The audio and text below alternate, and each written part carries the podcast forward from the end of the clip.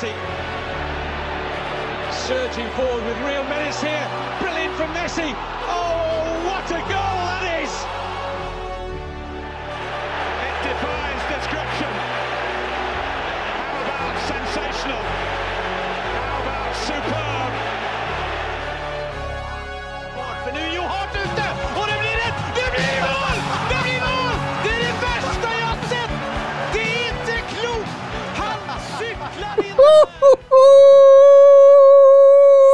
Ja da!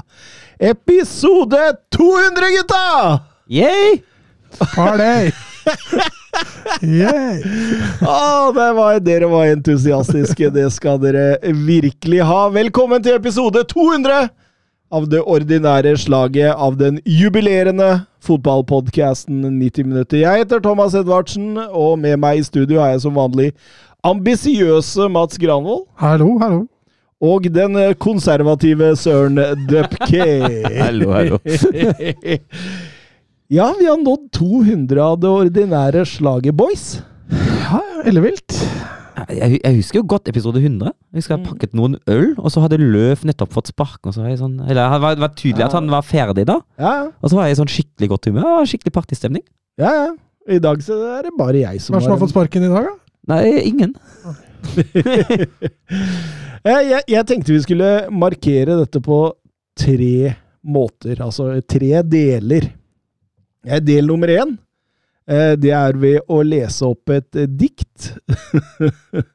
Skrevet av eh, lytter Petter Halseth. Han skriver 90 minutter, de er best. Best fra nord til sør og fra øst til vest. Deilig humor og kloke hoder. Analyser og kunnskap overfloder. Thomas leder så sikkert og stødig. Mats og Søren er alt annet enn overflødig. Dere er best, bedre enn marsipan. 90 minutter, gratulerer med dagen. Ferdig, da! Det bor en lyriker i godeste Halseth. Ja, det må du jaggu si. Så får vi jo si som eh, alle alle eh, hva, hva heter det? Jubilanter. At det, det har strømma inn med masse gode ord inn på Twitter-siden vår i dag. Vi må jo bare si tusen hjertelig takk. Mm. Eh, voldsomt, vil jeg si. Det, jeg visste ikke at vi var så populære. Noe, noe må vi ha gjort riktig, si. Ja, jo. Vi betaler de riktige folka, tror jeg. Em, del nummer to. Den omhandler at uh, vi har uh, Vi har et uh, såkalt gavekort vi skal dele ut på 1000 kroner fra Fotballshop. Mhm. I, I anledningen. Den konkurransen vil lanseres på sosiale medier i løpet av denne uken. Altså Twitter, Facebook, selv om Facebook, der må vi børste støv Ja, før vi, det- det- det før vi gjør noe der, altså. Men, men Instaen kanskje, kanskje, kanskje til og med TikToken? TikToken? Ja, vi har børstet børste støv av den. Og så, så får vi finne ut hvordan vi gjør det, men det er i, i hvert fall 1000 kroner i potten. eh, Kan man velge seg en drakt eller et eller annet gøy. Mm. Så det, så det er del to. Og del tre det er egentlig en overraskelse til dere. Er det, er det 10-20 spørsmål? Ikke 20. 10? Eh, ikke 10 heller, fordi det, det kom et ras Det kom et ras av spørsmål inn til meg at du nå Retro 10 spørsmål, kjør den på 200. Jeg klarte å forhandle meg ned til tre spørsmål. Men, eh, men, men, men eh, dere skal kunne få fem poeng. Det vil si at det første spørsmål, der får dere ett poeng hvis dere svarer korrekt. Andre spørsmål er det muligheter til å få to poeng. Og tredje spørsmål er en såkalt annenhver, hvor vinneren får to poeng. Så er dere klare for en liten retro? eller? Åh, ja, ja, får vi være det. Ja, Er det eh, første, er det, er det at man roper ut navnet sitt, Altså? Hæ? Er det, er det sånn at man roper ut Nei, navnet nei, sitt? nei. Det, går, her, du, det er jeg som stiller spørsmålet her. Jeg er ikke glad i de der ah. Hvor gamle dama må begynne å dra, dra på rullestolen? eh, Og vi begynner med Søren. Ok, ok. Eh, du vet selvfølgelig hvem som er toppskårer i Bundesliga denne sesongen. Eh, men hvem er assistkongen til nå? Oh, det var et godt spørsmål. Uh, Toppskårer er Fyllkrok. akkurat nå. Oi. Der tok det meg. Åh, assistkongen, ja. Ah, Jeg tror det er ganske jevnt, det òg. Kan du Kan jeg prøve å få prøve, eller? Jeg Nei, vet- du, jeg du, vet du, du Å, får et eget, skjønner du. Åh, så jeg får ikke poeng. på Åh, hans vet du hva, jeg går for Jeg går for Åh, jeg går for Musiala. Kan jeg? Kan jeg? Mm. Jeg hørte det nå, så det er litt juks, da. For jeg så jo på Dortmund, han sa det var Gureiro. Ja. Det er helt riktig. Rafael Gureiro med 12. Rett foran Kolomon Moani med 11. Og eh, riktig, Musiala Mm. og Kainz er på 10. Eh, Mats, det samme til deg. Hvem er assistkongen i La Liga? Ja, Men det har jeg jo akkurat ikke hørt. Men det var jo Det var jo Grismann, da. Eh, Ja, Ja, jeg, jeg må bare si han. Jeg har ikke noen andre det er riktig. Det var det, ja. Grismann leder med hele fire foran eh, Mikkel Merino og Venicius Junior. Eh, Søren, eh, spørsmål nummer to. Eh, og her kan du få to poeng. Ok, ok. Hvem er det beste hjemme og det beste bortelaget i Bundesliga, slik det står nå? Å, herregud, du har fine spørsmål i dag. Uh, Nei, ikke si det er det samme i La Liga. det, det beste bortelaget tror jeg fortsatt er Nei, vent litt, det har jo endra seg. Jeg, jeg leste for noen uker siden, men det kan jo ha endra seg. Og hjemme står mellom Dortmund og Union. Jeg tror det er Dortmund. Er det svaret? Ja. Ja, det er riktig, det. Og borte var i en perio periode Bayern, men det kan godt hende at det ikke er noe lenger. For jeg har ikke akkurat god form. Eh, nei, vet du hva, jeg går for uh. Jeg går for Bayern. Det er riktig. To poeng eh, der i fòret, Dupker. Eh, Det samme til deg, Mats. Ja, det er vel det. Ja. Og der var jo Barcelona det beste bortelaget en stund. Er de det fortsatt, kanskje? Eh, Jeg går for Barcelona som beste bortelaget. Det er riktig. Så da er de er det- 2-2. Er de det beste hjemmelaget? Nei, de er ikke det, vet du. Ah, Nei, de har ryket på noen duste Kan det være Atletico Madrid, Villarreal, Sociedad øh. Nei, det her blir bare tipping. Jeg tipper eh, Nei, det får ikke vært Barcelona. Jeg har jævlig lyst til å si Barcelona, faktisk. Nei, jeg tipper Real Madrid. Riktig svar er Barcelona. Ah, ja, ikke sant. Eh, 2-2 og siste spørsmål vil dermed bli avgjørende. Det er en annen hver oppgave. Vi svarer frem til én svarer feil, eller må gi seg. Da vil siste riktig svar belønnes med poeng, og altså seier i denne tre spørsmål. Og det jeg skal fram til her, det er hvilke spillere i topp fem-ligaene har 15 mål eller mer i ligaspill Mats! denne sesongen. Og det er 25 spillere å plukke fra. Ikke færre, nei. Nei. Men får jeg begynne, da? Nei, Ja. Søren, du kan få begynne. Okay. Du har begynt, eller? Fem, 15, mål, eh, 15 mål eller mer? Erling Braut Haaland. Da fant du nummer én. Harry Kane Da fant du nummer to. Niklas Fullkrok. Da er du ned på 16, ja. Jeg. Riktig. um, Ivan Tony. Uh, 20. Riktig. Robert Lewandowski. 22. Riktig. Åh, jeg veit ikke, Karim Benzema. Har han passert 15? Jo, han har det. Har han ikke sånn 17-18 eller noe? Nei, jeg sier Karim Benzema, ja. 17. Riktig. Kylian Mbappé. Det er riktig. 28. Det samme som Kane. Um, Oshimen. Oshimen 23. Det er riktig. Yasim Ben Yedder. Korrekt. Med 18. Um, Martinez. Nei! Med, Å ja! Jo, Martin. med, med 20. Riktig. Mohammed Salah. Med 19. Helt riktig. Callum Wilson. Med 18. Helt riktig. Mm. Jonathan David. Med 22. Helt riktig. Å, fy fader. Jo, da er det jo han derre Hva heter han på Han andre unggutten der. er det godkjent? Han andre unggutten med 19, riktig.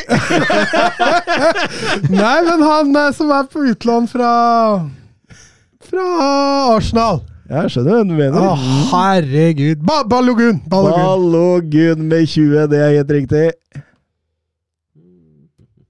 Nå må jeg tenke altså, litt. Det morsomme nå, dere har en på 26 som dere begge har glemt. Så har vi en på 20, som er litt sånn under radaren. Man har en på 19, og så har man fra 17 og nedover. Det er resten av lista. Så dere, er, dere, er, dere har imponert, altså. Ja, det er jo det er fint. En på 26 som vi begge har glemt, ja. Ja. Ååå Det tror jeg faktisk jeg vet hvem er. Ok. Jeg går for Marcus Rashford, ja. Det er riktig med 16. Åh, Sterkt. Men det er jo selvfølgelig han derre i Lyon. Eh, Lacassette. Med 26, Ja, helt riktig. Oi, oi, oi, oi, oi, oi. Nå er det 2019, og så har vi fra 17 og nedover. Det er til sammen ni spillere igjen av de det, nå, nå begynner det å bli tøft. Nå begynner det å Eh, bli tøft. Har han- har Lionel Messi skåret over 15? Jeg sier Lionel Messi. Det er riktig. Han har 15 og er sist på lista. Men kan jeg kan, Neymar han har ikke det, han da, vet du. Det, det, der brenner jeg meg, da. Nei, jeg må ikke svare Neymar. Det er eh, Det blir flause. Uh, nei, nå er det jo Det, nå er, Altså, nå må jeg bruke safecardet mitt, da. Det, det er faktisk litt oh, ja, tidlig. har jeg har, ja, ja, ja, som Ja. jeg veit han ikke har. og det, men det er litt tidlig å bruke det.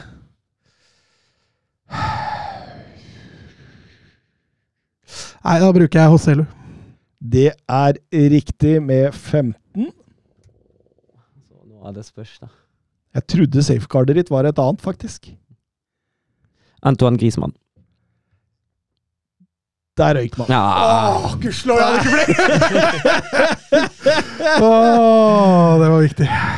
Spilleren på 20, Strasbourg, Habib Diallo. ja. Eh, på 19, Openda i Mm. Lens. Eller Lans. Eli Wahi, 17 i Montepillier, og også Terem Moffi i, i Nis. Eh, Bolaye Dia i Salernitana har jo 16, har jo vært i en strålende form nå den siste tiden. Og så glemte dere Arsenal-duoen Gabriel Martinelli og Martin Ødegaard. Selvfølgelig Ødegaard hadde 15. Men, men jeg, jeg, jeg, jeg er faktisk ganske imponert over uh, hvordan dere plukka det der. Hvem trodde du var safecardet mitt? Jeg var ganske sikker på at det var Openda. Oh, ja, okay. Mm. um, før vi begynner, Geir Halvor Kleiva. Hvem er drømmegjesten deres å ha i studio i godt over to timer og prate om siste runde i fotball-Europa med? Har vi noe drømme? Altså, altså, han må jo være norsk, for det er slitsomt å drive med dette på engelsk. Mm. Eh, Man kan ikke late som drømmegjesten kan norsk, da. ja, ok. Ja, Ja, ja. Liksom Paul Gascoigne. Nei, det blir ikke veldig analytisk, i hvert fall. Altså, hvis jeg, hvis jeg, hvis, Once upon a time! Han kan norsk, Thomas. Okay. altså, hvis, Var i gang. Hey, yeah, yeah, yeah. altså, hvis vi kan velge sånn alle prominente som vi kan velge, Ja, da altså, altså, det, hvis, det hvis, står Altså, det, det hadde vært en drøm å snakke fotball med folk som Julian Nagelsmann, Pep Guardiola, Jørgen Klopp, liksom. Jeg har hatt en av de virkelig Ja. Mourinho. Det har vært litt det gøy. hadde vært gøy. Maradona. Ja, ja. ja. Nils Arne Eggen. Faen, da skal vi jobbe godt hvis vi får Maradona i studio. da. Ja. Skal litt mer enn et gavekort til da, ja. Det, det er helt riktig. Uh, ja, eh, jeg, jeg er for så vidt enig. Altså, vi måtte, måtte dit over. Uh, Men han fotballagenten òg, han uh, Høybråten i, i Brann, Ja. han er ganske festlig. Ja, morsom, ja. Ja. Ja, han er morsom, men kan, God- god kan stemning. Europeisk fotball? da? Er ikke Brann er ikke i Norge, dem? De hører jo hjemme et annet sted. Nei, nå har vi surra for mye med introen. Vi går over til eh, Premier League.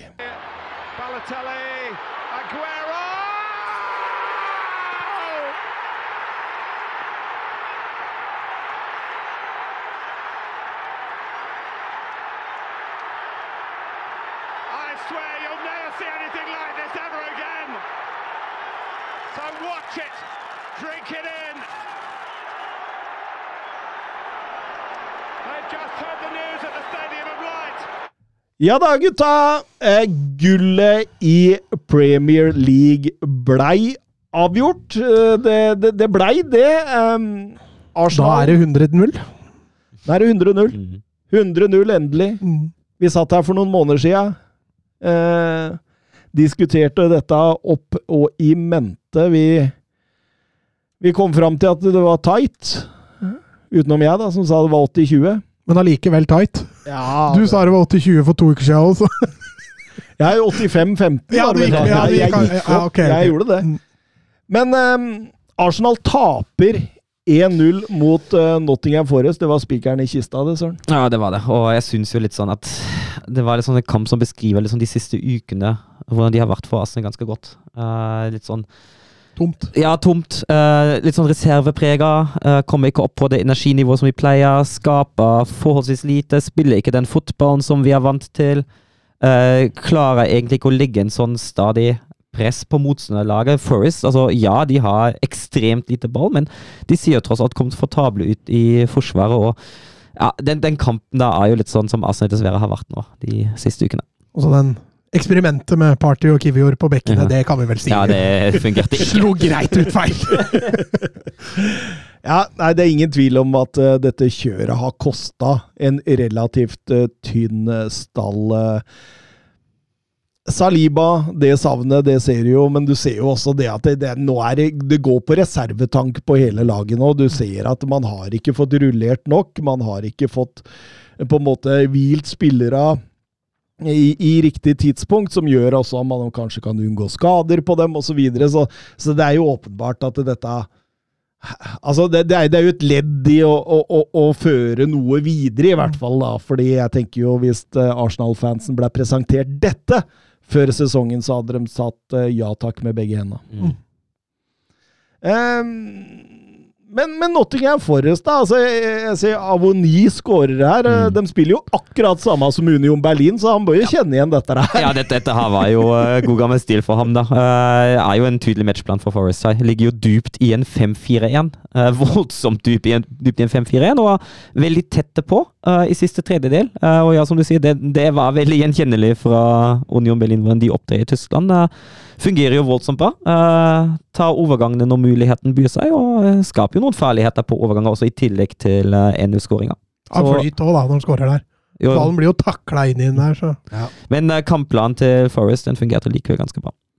Den gjorde det, og, og vi har jo snakka om Brenn Johnson, som har vært veldig bra for Forrest gjennom sesongen. Han er jo benka for tida, men nå syns jeg liksom det er Morgan Gibbs White som virkelig ser god ut der, altså. Ja, jeg har venta litt på han etter eh, hva skal vi si, nesten-gjennombrudd tidligere. Uh, Forrest-gjennombruddet har også for så vidt latt vente på seg, men de siste ukene har han sett eh, veldig frisk ut. Han er kreativ, han er rask, han er rask til å behandle ballen. Um, og så er han ikke redd for å prøve. Så, så det er klart, sånne spillertyper i et såpass traust fotballag da, så er jo kjempeviktig for å lykkes. Var det Martin Ødegaard sin feil at Ja. Ja. Virker litt tyngre, han også, det er ingen tvil om. Mm. Eh, Gustav Horndal eh, spør oss på Twitter eh, hvor må Arsenal forsterke om de skal bli en seriøs utfordrer både i Premier League og Champions League neste sesong? Ja, jeg tenker jo bredden av det første. Uh, vi har jo sett at første elveren den holder jo egentlig ganske god kvalitet. Uh, men uh, vi har vært inne på det, at man, man har hvilt veldig lite fordi avstanden til de neste i rekka, den er stor. Avstanden mellom en Salibo og en Holding er stor. Avstanden mellom Nå skal jo Chaka trolig ut, og en Vieira har vært stor da det har skjedd. Mm. Til og med avstanden mellom en uh, Jesus og en Ketia har vist seg å være forholdsvis stor. Eh, Sa du Sjaka skulle ut? Ja, han ryktes sterkt i Leverkosen. Mm. Veldig sterkt. Mm. Eh, så det, det tenker jeg jo er jo første steg, å, få, å virkelig sørge for at man ikke bare har 11-12-13 spillere som går opp på det nivået der, men uh, man kan rullere litt med at man har flere spillere oppe på nivået. Og så syns jeg jo Arsenal hadde kledd en målskårer. Ja, Jesus bidrar veldig mye i spillet, uh, men jeg syns det skåres for lite mål fra Ha en annen type Ja. ja. Men hvor skal Jesus spille da? Han kan jo flyttes på en av kantene også. Ja, men der har de jo to allerede ganske Jo da, jo da, Men da blir jeg- jeg bedre? at. Bredden blir bedre, fordi jeg, jeg tror dette er nøkkelen, og du er inne på det, Søren. Det at, det, at ikke bredden blir en haug av potensielt unge spillere som, altså som, som kan bli gode om to-tre år. Mm. Men at bredden er spillere som nærmest er på nivå med de elleve som allerede er der, fordi neste sesong så kan det bli 60-65 kamper, eh, i verste fall, og da, da, da trenger du tropp, altså. Så eh, ingen tvil om det. Um, Manchester City eh, de hadde jo da selvfølgelig fått servert det på gullfat. De behøvde jo ikke å Nei, de rullerte. Ja. Ja. Det var vel kanskje forventa òg? Eh, ja, det er jo. Det er ikke lenge siden de spilte en relativt viktig og god kamp på Etiad i, i Champions League, så det, det var kanskje på sin plass å rullere. Eh, de har jo full kontroll eh, fra start av. Chelsea greier ikke å sette noe press på dem i det hele tatt. Eh, City Ja, jeg må si den benken til City var imponerende. Eh, Er det en av de bedre benkene man noen gang har sett? apropos Ja, men jeg husker også når Real Madrid og Barcelona på sitt verste begynte å rullere. Mm. Da hadde de noen sånn lignende benker med Messi og hele gjengen satt på benken. Men eh, ja, men, men altså når det kommer inn en Cole Palmer da, som bare tar tak med en gang Phil Foden eh, er ikke så veldig langt unna det brønnet. Eh, Marius skårer mål når Haaland ikke er på banen. Eh, til og med Kelvin Phillips ser jo ikke så feit ut når han løper rundt der ute, så ja. Og Chelsea uten mål og mening. Igjen rulleres det, igjen er det formasjonsendring. Eh, og det er jo aldri til det bedre. Tenk det! At de, altså, Rico Louis, Cole Palme De kan bare komme inn i laget og prestere på den måten. Det sier litt, ass! Om nivået som finnes i den troppen der. Mm.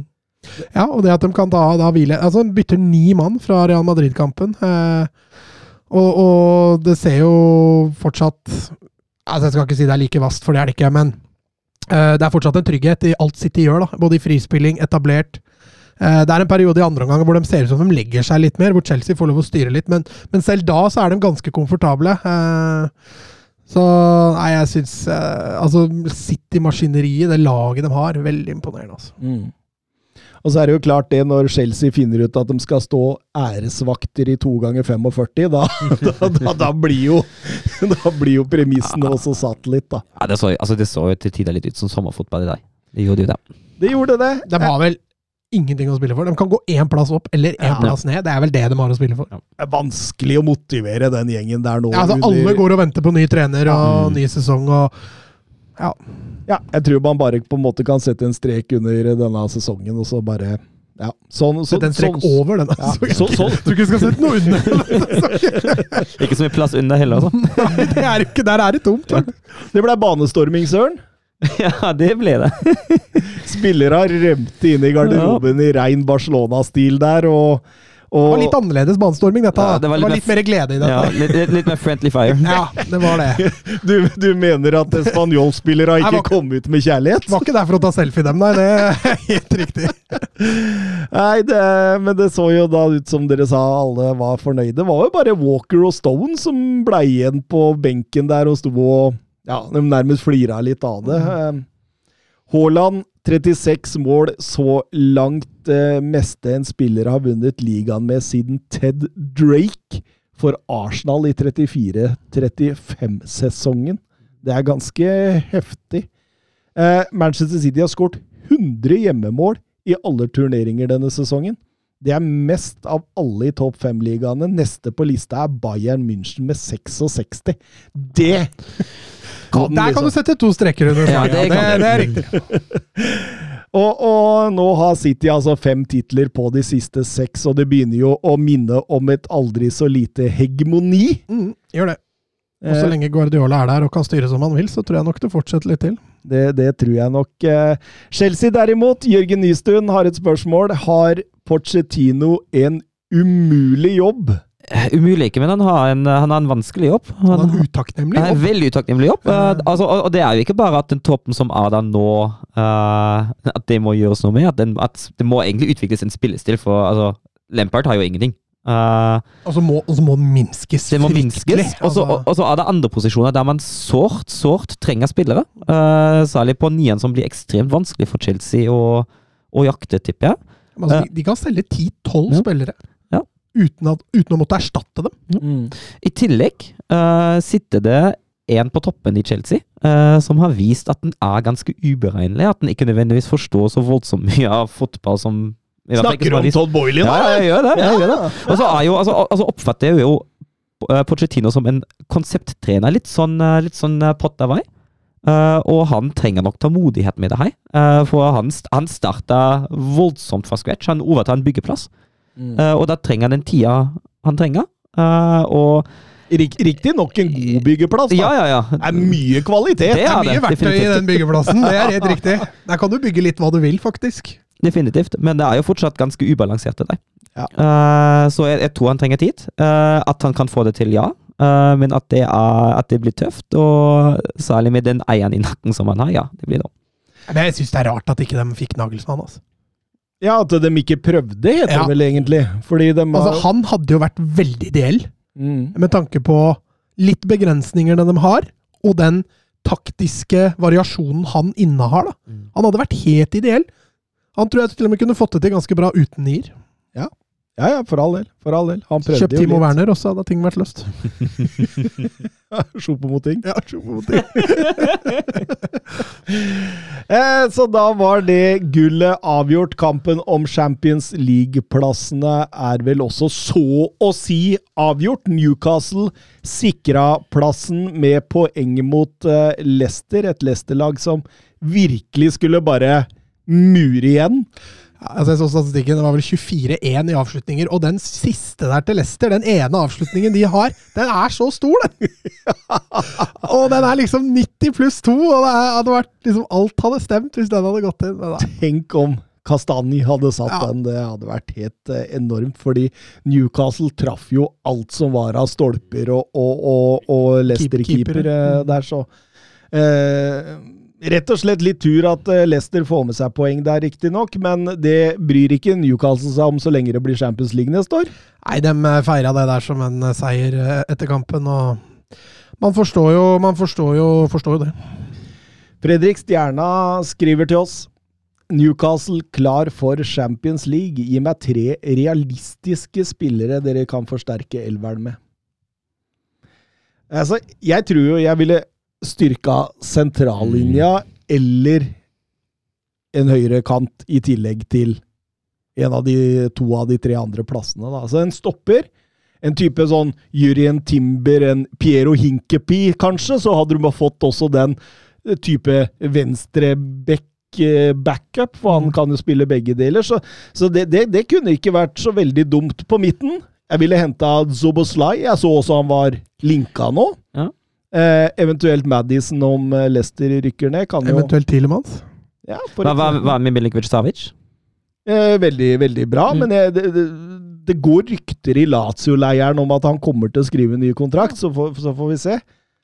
Eh, Som, som angriper, en Jonathan David eh, tror jeg ville passa perfekt inn der. Kanskje en Rasmus Høylund eh, burde være mulig å hente han ut av Atalanta med den økonomien Newcastle har. Og, og hvis jeg skulle gått for en høyrebekk i stedet, nei, høyre kant, istedenfor um, noen av disse posisjonene, så, så ville jeg henta Jeremy Doku fra Renn, som Altså som virkelig nå har begynt å blomstre igjen og blitt kvitt skadene sine og spiller stor fotball. Eh, er det noen andre dere vil tilføre der, som kunne vært aktuelle for å liksom på en måte Nei, jeg syns du dekker det greit. jeg. Altså Newcastle, Nå har de Champions League, så jeg, jeg føler jo nå at det skal bli veldig spennende å se overgangsstrategien på, på Newcastle denne her sesongen. Eh, Om de virkelig kommer til å om splæsje? om de får et sånn superkjøp, om de henter Neymar eller Messi, eller at de, at de gjør noe sånn dust, da. Ehm, og så blir det jo spennende, for de, de har jo ikke så mye midler å selge for. altså Det er ikke mye verdi egentlig i, i den troppen. Sånn at eh, det må jo passe seg litt for Fairplay her òg, da. I den grad man behøver det. Ehm, Ja. Så får vi se. Nei, Det blir spennende å se. Mhm. Manchester United vant 1-0 over Bournemouth borte. Et kunstmål av eh, Casemiro. Ja, litt flytt her. Eriksen spiller den gjennom, og så blir jo egentlig pasningen brutt, men Casemiro slenger seg rundt der og, og utfører et C-moment av, eh, av brasiliansk klasse. Nok en gang, de spiller ingen stor kamp, men, Det var en kjedelig kamp, altså. ja, men kontrollerer vel kanskje greit, da. Ja da, Bournemouth er jo ikke spesielt farlige, dem heller. så Det er et Bournemouth-lag som begynner å planlegge neste sesong i Premier League mot et United-lag som grinder litt for å sikre seg denne Champions League-plassen. Og det var litt sånn borteformen til United vi tenkte kanskje kunne ødelegge for en eventuell Champions League nå. Nå har de to matchballer mot, eh, hjemme mot Chelsea og Fulham, og det, det bør gå bra. Det bør helt klart gå bra. Og det er viktig for Manchester United, vi var jo inne på det, i forhold til både det potensielle eierskiftet, nysigneringer Altså Viktig at de dro i land dette her, Mats. Mm, selvfølgelig. Altså bygge videre på dette her nå. De, de er jo heller ikke ferdig med, å, med, med Tentang-prosjektet og, og Champions League-plass neste år. Det, det, gjør klubben langt mer attraktiv eh, når man skal resignere. I tillegg så er det jo dette med penger, da. Champions League gir jo fortsatt penger i kassa for selv de store lagene, så merker man jo det. Mm. Absolutt. Um, det, er, det, er, det, er, null sjanse for at Liverpool kan Ja, det er 99-1. Ja. da er det 80-20. Vi sier 80-20. Eh, Ole Haaland, Ten Hag fortsetter å hylle David De Gea. Mener dere fortsatt at han ikke mener det? At han er tvunget til det fordi usikkerheten er stor rundt posisjonen? Jeg mener i hvert fall at jeg har lurt av og, rose ham. Jeg vet ikke om han ikke mener det, uh, men jeg, men, jeg, men, jeg, mener at det Står med ljugekors på ryggen. Ja, ja. Men jeg, jeg, mener jo at det er eneste riktige å gjøre sånn rent, uh, rent strategisk, uh, med tanke på usikkerheten og med tanke på at han er jo helt avhengig. Altså, gjør, altså Han er jo en decent skuddstopper, og han viser det jo en gang til mot Burnhamouth. Den, den han redder mot Brooks, den er sterk, altså. Mm. Um, og så er ikke det den plassen som er viktigst. Ja, det er det. Så jeg tenker det kan være greit å holde han fornøyd ett år til, liksom. Det kan godt hende at han er avhengig av ham ett år til, uh, men uansett, å, å, rose ham i den situasjonen som er nå, ja, det er det eneste fornuftige. Først skal de ha inn en nier, og så skal de ha inn en sentral midt, kanskje en, en back. Og kanskje, og så, kanskje en høyrekant. Ja, ikke sant? Og da kanskje begynner å se på keeper, og så veit man ikke hvor langt kommer man i denne prosessen, mm. så vi må bare stå med DGA uansett. Ja, jeg, jeg, jeg, jeg, er helt klart med på den. Jeg tror at uh, alt Ten Hag kommer til å si om DGA nå, er ting som han må si rent taktisk. Så det, det, det er liksom ikke noe du kan stole på, men, men uh, jeg, for, jeg, for jeg er ganske sikker på at i den Ten Hag-fotballen så ser han for seg en keeper som er bedre med beina. Mm. Så, så, vi får se hvordan det går videre. Et enda spinnvillere statement kommer fra eh, August Landstad her, som spør om Tror vi på Neymar-ryktene til Manchester United? Hva tilfører han? Draktsalg og sirkus. Uh, nei, jeg kan, jeg kan, jo ikke se for meg at det skal være sannhet i det, altså. Uh, ikke under Ten Hag. Hadde manager fortsatt vært Ole Gunnar Solskjær, ja, kanskje. Uh, men i Ten Hag altså, Jeg kan ikke se for meg en spiller som passer dårligere inn i, i både den garderobekulturen og i spillestilen som Ten Hag liker, egentlig. Så Altså, det må jo være det ultimate sjekk i postkassa for Ten Hag å få en Neymar inn i den troppen der. Må jo enten totalt revitalisere Neymar, eller gå med, på akkord med seg sjøl. Jeg tviler på at det går an å revitalisere noe sånt noe. Så, og, og, slik Ten Hag ønsker å spille fotballen, altså vil jo Altså Neymar vil sikkert kunne bidra litt i det offensive, men det vil jo bli en ny Ronaldo-hemsko her, da. Ja, altså er det litt mer eh, moral defensivt for Neymar. da. Han har jo vist det i PSG, og spesielt i viktige kamper. Ronaldo har jo null bidrag defensivt. Så litt bedre er det jo. Men, men det er i hvert fall det jeg mener med Sørnov, er, er, jo eh, signalene han sender utafor banen, på banen. Altså, dette er ikke i tråd med, med Ten Hag-fotball. og Jeg vil også bli Jeg ville syntes det hadde vært kul overgang, men jeg ville blitt overraska. Ville. I tillegg, da, mye skada. Det er som du er litt inne på det med garderobekultur. Det er jo litt sånn utenomsportslige potensielle trusler der også. Og du, du veit jo at hver gang søstera hans har bursdag, så blir det jo plutselig spor helt borte. Han blir skada, ja. ja. Så nei da. Det Jeg håper ikke for Manchester United at de gjør det. Jeg håper ikke det, men Det hadde vært kult.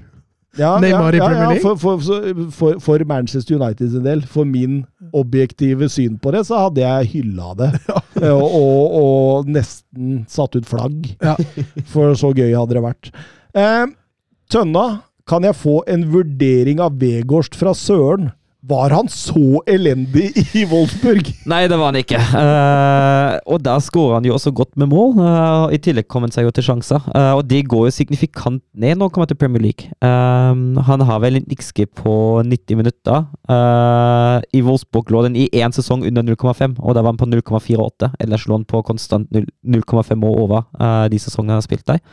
når han går til Burnley, går det ned til 0,33, som kanskje ikke er så rart fordi det er Burnley, tross alt. Uh, og i United er vi nede på en XGP 90 minutter på 0,2. Uh, og det er, det er ganske voldsomt, det der, altså. Um, Per, per mål så skal han spille fem kamper han i Manchester United. ja, i hvert fall med, de sjansene han kommer til nå. Uh, og så skårer han, jo ikke mål heller, det kommer i tillegg. Uh, og så, altså Man vet jo fra før, han er jo han er ikke noe hurtigtog. Han er ikke en god kombinasjonsspiller, for teknikken hans er rett og slett for dårlig. Eh, han har stor arbeidsinnsats. Eh, han er en eh, egentlig en god avslutter når han først får sjansen. Sånn I utgangspunktet var han i hvert fall det i Wolfsburg, men det gikk også nedover siste sesongen hans. Uh, og så er det egentlig det du får med ham. Uh, men altså, han har han har egentlig konstant vært på vei nedover siden, uh, siden den uh, siste gode sesongen i Wolfsburg. Det første halvåret i Wolfsburg det var allerede ganske svakt, riktignok i et svakt fotballag. Uh, andre halvåret i Burnley det var ikke noe å skute av det heller. Uh, så var han vel eh, helt ok i Besjiktas. Mm. Eh, men det var igjen en klart svakere liga, og så viser han egentlig nå i United at han virker litt ferdig egentlig på det nivået der. par måneder med Company nå, så er han der.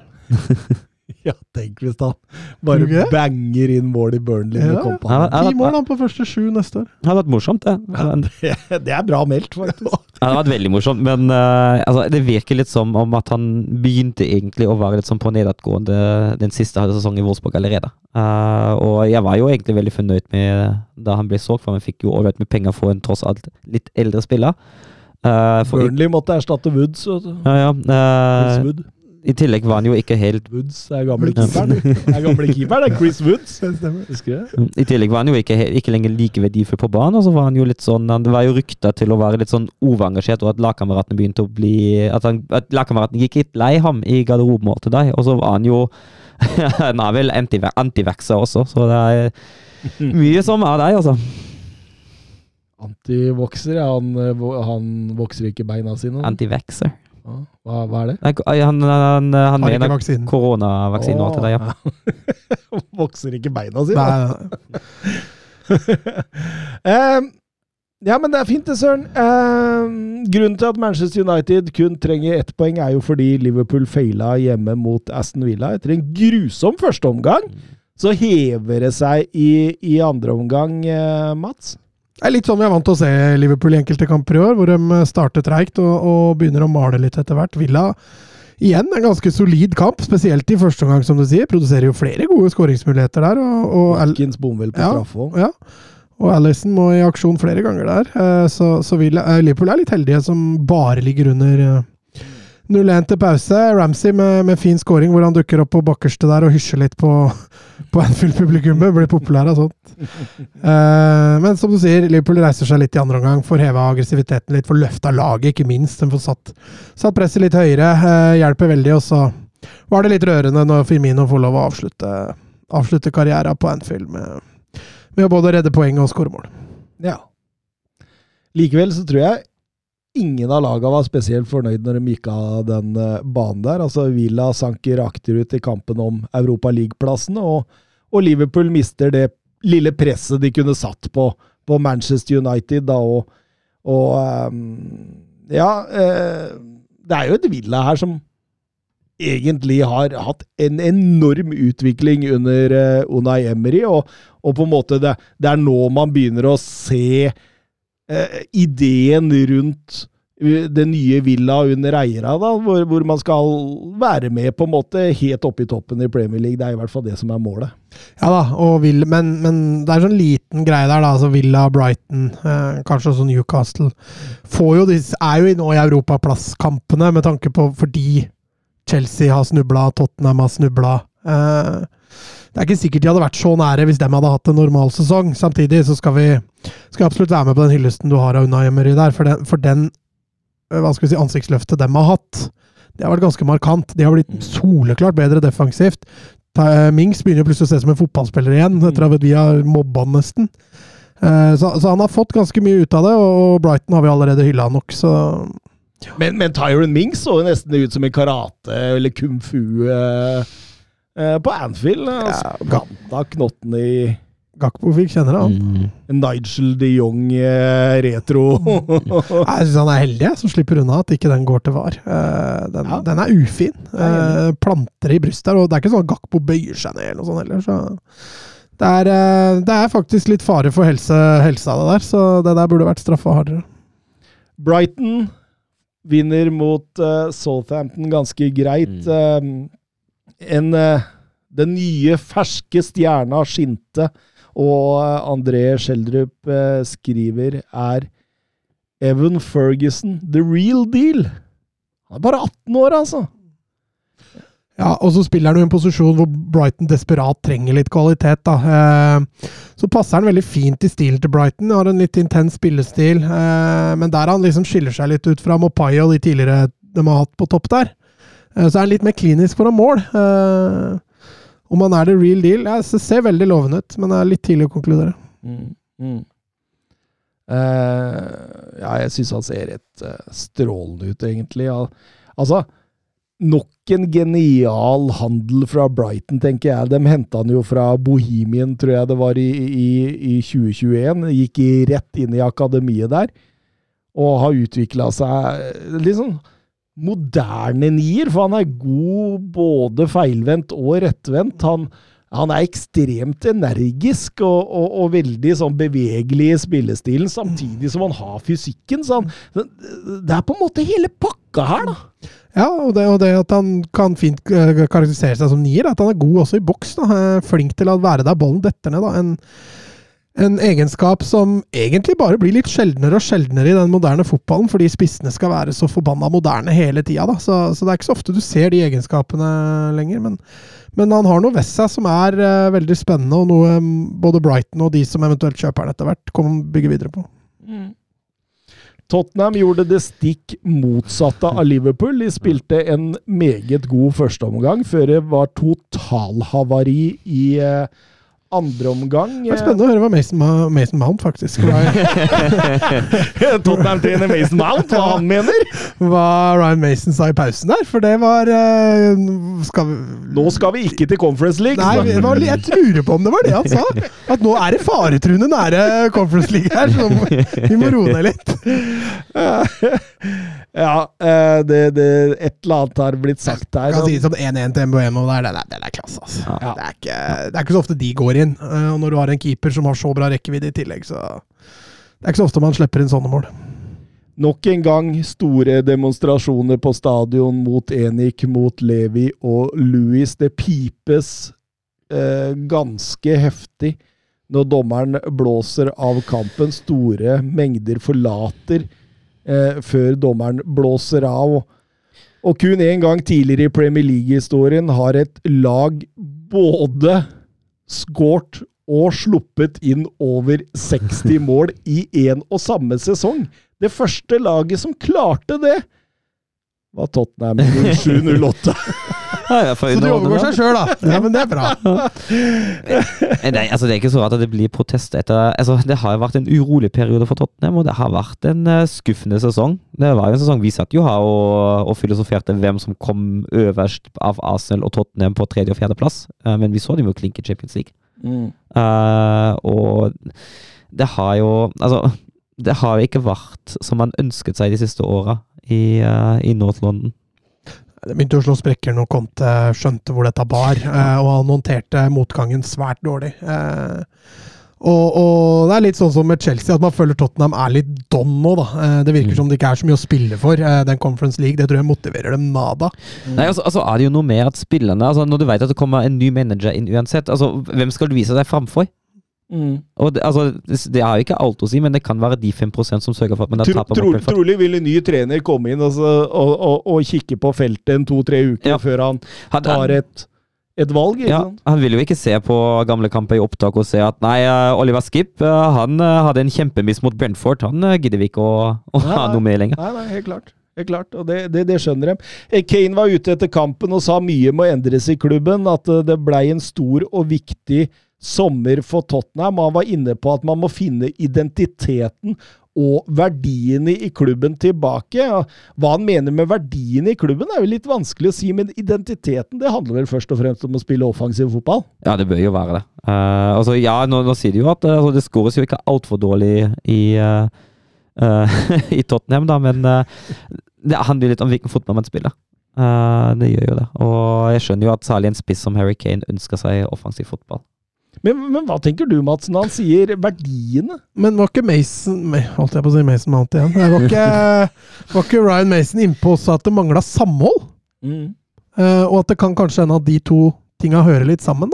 Ja. At det er noen verdier nå i klubben som spriker litt, uh, og som gjør at de, de, de får ikke det samholdet innad som, som man kanskje ønsker. da. Tottenham som skal være en utviklende klubb, en angripende klubb, en, en, en underdog i forhold til resten av topp eh, seks der. Eh, nå har man havna litt i en sånn offerrolle. Eh, og det, det er kanskje klart det at den identiteten, den, den, det samholdet, da, mangler for å kunne klare å slå gjennom Kaller det en liten krise, som de er gjennom nå. Tor Christian Stensrud eh, skriver keepere til Tottenham. Diogo Costa fra Porto en mulighet, eller blir han for dyr? Sentrale forsvarsspillere, ser dere, ser dere hvem som kan komme? Og det blir jo litt sånn vanskelig å si hvem som kommer inn før en ny trener. Altså fordi altså Conte hadde jo sine links, ikke sant. Altså Det var Hinkepy, det var Bastoni. Og, og hadde han sittet der, så kunne du si, fortsatt sittet med de samme navnene, for han har jo sin Mm. pool å gå etter. Ja, og så- kan det handle veldig om hvilken spillestil vil den nye treneren ha. Spiller en tre- eller firevekstlinje, det er veldig mye avhengig av hvor mange stopper man faktisk trenger, og hvilke typer stopper man trenger i tillegg. Mm. Eh, Petter Martin Støvland, vil Thomas være fornøyd med Arne Slott? Eh, hva tenkes rundt Arne Slott, og med tanke på de andre kandidatene, Nagelsmann, Poste, Poste Konoglu det, det, det, Jeg håper ikke blir han, i hvert fall, for det, det, det er tøft å si. Ruben Amorim og Roberto Di Serbi. Eh, veldig få av de navna som nevnes, skremmer meg. Altså, det er ikke noe sånn Gattuso, Juan de Ramos. Juan de Ramos-opplegg, nei, men Luis Henrique, da? eh, Ja, men det var Conte. Det Mm. var Conte. Så ja, Nei, Conte, sier jeg. Sorry, sorry. Paratesi. Mm. Så det, den er ute. Ah, han kommer ikke. Eh, så ville jo Donna Cullen, da, som er en sånn høyrehånd til uh, Levi, ville jo ha ville jo ha Brendan Rodgers. Hva er det du ler av nå? Nei, Jeg veit jo hva han bruker høyrehånda si til. så-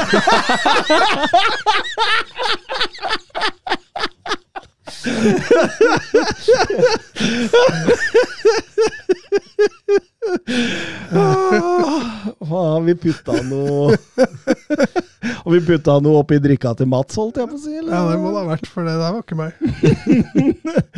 Eh, Men hun har vært en stor supporter av uh, Brendan Rodgers, og den skremmer meg litt.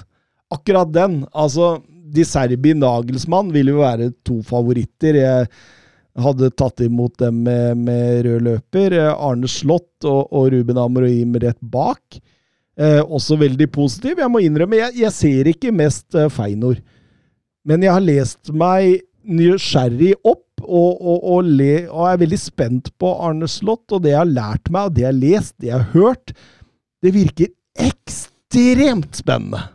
Altså, det, altså, han har mange av ideene og tankene som Pep og Arteta har, og så er han en sånn spillernes manager, ikke sant. Han, et, etter gullet med Feinor nå, så løfter hele laget han opp og, og roper navnet hans og putter han opp i eh, Gryta. Gryta, ja. og liksom, det, det, du ser og, og, og ideene, tankene hans, hvordan han er som person. altså Det, det, det ser helt strålende ut. Det ser ut som ti av ti. Så, så om det blir Arne Slott, så vil jeg bli veldig fornøyd, faktisk. Og ekstremt spennende. Selv om Mats vil si Arne Sløtt Mm. opptil Ja, flere det er det første jeg tenker når du sier det, faktisk. Men uh, hvor tror du Tottenham hadde vært i dag hvis de hadde hatt Potter istedenfor Conte for eh, to år siden snart? Mm, Nei, Det er veldig synsing. Du skal få slippe å svare på det. ja, men den var vanskelig, Ja, ja, men jeg tror topp fire. Ja, du tror det? Ja. For det var mitt valg for to år siden. Eh, Kim Jansen, hvilket lag håper vi går til Europa fra Premier League? Ja, det har vært kult uh, med uh, egentlig Brighton og Liverpool, Liverpool, Liverpool blir det vel uansett. Ja, Brighton håper jeg nesten. altså Det har vært kult. Fin belønning for sesongen. Og Conference League. Altså, ja, Aston Villa hadde vært kult, men altså, Conference League, jeg føler at Brentford skriker litt Conference League, da. Jeg føler for Premier League-lag så er Conference League en straff. Ja, ikke for Brentford. Nei, kanskje ikke for Brentford. Men, Og ikke eh, for Westham nå, åpenbart. De, de Mm. lever jo gode dager. Men Brighton er jo så å si sikra sjetteplassen og Europa League, for der er det så god målforskjell. Eh, selv om Villa vinner siste og Brighton taper sine to siste, så skal det allikevel litt til. Altså, for at dem så, så det store spørsmålet her er vel egentlig om det blir Aston Villa eller Tottenham eller Nei, jeg tror ikke det blir Brentford, men eh, Nei, jeg tror ikke det heller, men det. Kanskje Brentford, da. Det blir en av de tre, og det er Conference League det egentlig er snakk om her. Og litt sånn eh, Jeg tror kanskje for Premier League så hadde det kanskje vært best om Aston Villa havna der. Mm. For de tror jeg gir litt mer gass. Ja, eh, nedrykkskampen, da. Det blir en vanvittig fight eh, om overlevelse mellom Leeds, Leicester og Everton. To av disse vil gå ned med Southampton, og ingenting er klart før eh, siste runde. Leicester har Westham hjemme, Leeds har Tottenham hjemme, og Everton har Bournemouth hjemme. Eh, og står vi på det at det blir Leicester og Leeds? Ja, jeg tror det. Jeg tror Everton, eh, jeg tror Everton skal klare å slå Bournemouth hjemme. Mm. Ja, det er et Bournemouth-lag som ikke har noe å spille for, annet enn heder og, heder og ære. Eh, Everton har surra dette ganske mange ganger i år, da, så det er liksom ikke noe sånn gitt. og de, de har jo, Med unntak av Leeds, da har de jo dårligere målforskjell enn Leicester, så skulle det bli uavgjort og Leicester vinner, så, så går jo Everton ned. Eh, men eh, ja, hvis jeg må velge, så, så holder jeg en knapp på at Everton klarer det. Det var vel også et spørsmål fra trener og analyse på Twitter som spurte om hvem som var best rustet til å tåle et nedrykk av disse lagene, og jeg, jeg tror jo det vil bli katastrofe for Everton. Mm, definitivt, med tanke på nytt stadion i hele pakka, ja. Ja. Ja, der må de selge unna i stor stil, hvis de skal eh, klare å opprettholde visse standarder i, i den klubben. Mm. Jeg tror liksom at Leeds og Leicester vil få det enklere ved et nedrykk. Det er altså, det er altså, de har også vært i nyere tid i championship, Mm. og Men hvis du ser stallen, da, eh, så tror jeg nok Everton og Leicester kommer til å merke størst forskjell. For, det er, for Leicester å ha mange spillere som vil bli ettertrakta. Eh, Leeds tror jeg ikke har like mange. De vil nok kanskje miste noen, men uh, kan hende de greier å stable noenlunde samme stall igjen til neste år, og da stiller de jo sterkt i, i championship. Mm. Eivind Stølen, Sean Dyche, Dean Smith og Sam Allardyce, to av dem må ned. Noen vil bli lei seg. Nok et skudd på, for, i baugen for britiske fotballmanagere. Ja, Det skal jo sies at akkurat de tre altså de kom jo inn uh, forholdsvis seint, alle tre. da. Eh, så hvor mye skyld nå de tre har, det, det er litt mer hypotetisk. De kom jo inn i ganske havarerte klubber fra før. Eh, men jeg syns likevel at eh, Everton kan skylde på Angelotti. Vi går så langt tilbake. Nei, altså Everton har seg sjøl og skyld når de ansetter Frank Lampard, da. altså, sorry. Men ja, men altså det er jo Jeg, jeg føler jo altså det, det er litt sånn likevel noe inni det spørsmålet, fordi altså britiske managere har mer og mer blitt redusert til sånne brannslukkere og redningsmenn, altså. I hvert fall i Premier Ja, League. så det er blitt litt sånn Det er blitt en sånn sparkekultur, da. Ja. At når det går dårlig Jeg syns Westham nå klarte seg og sto i det med Moyes. Eh, Nottingham Forest sto i det med, med Cooper. Eh, så skal det sies at Palace fikk jo en enorm effekt når de bytta. Wolves fikk vel også en, en bra effekt. Eh, Bournemouth har jo gjort egentlig det nesten ingen trodde de skulle klare. Så, så det, det gir jo effekt begge deler her, men jeg føler Leicester og Leeds og Everton er de som har fått klart dårligst effekt ut av det, og de har jo også gjort kanskje den største identitetsforandringen når de har bytta trener. Da. Eh, Så, så det mangler en rød tråd der. Ja, helt klart. helt klart. Eh, Kim Jansen han følger opp med å spørre hvem håper Søren rykker ned, fordi Søren må jo hate Jeg hat- jeg hater ingen. Um, det må jo sies at altså, med tanke på hvordan Everton har vært de siste åra uh, selv om det, altså, det er ikke en klubb jeg har noe som helst imot, men med tanke på hvordan klubben har vært, og hvordan klubben har blitt drevet, hadde vært fortjent om det hadde vært straffa med nedrykk. mm. Eh, og så- Nå får du Everton-supportere på Ja, jeg gjør det. Og så har jeg alltid hatt et, altså, Jeg har alltid hatt litt sympatier for Leicester. Eh, så hvis jeg må håpe, håper jeg kanskje at Leicester holder seg selv om både Leeds og Everton også er litt kule klubber. Så jeg, jeg synes det er litt sånn tøft. Jeg synes det er sånn tre klubber som egentlig er ganske ålreite, som står i det nå, da. Hvis jeg, Mm. måtte, hvis jeg måtte velge fra Premier League-tabellen hvem jeg hadde sendt ned, hadde jeg ikke sendt ned noen av de tre. Da hadde andre rykket først. Everton har aldri rykka ned fra Premier League. Nei, det har jo, de rykka jo opp i 54-55-sesongen og har ikke sett seg tilbake siden, faktisk.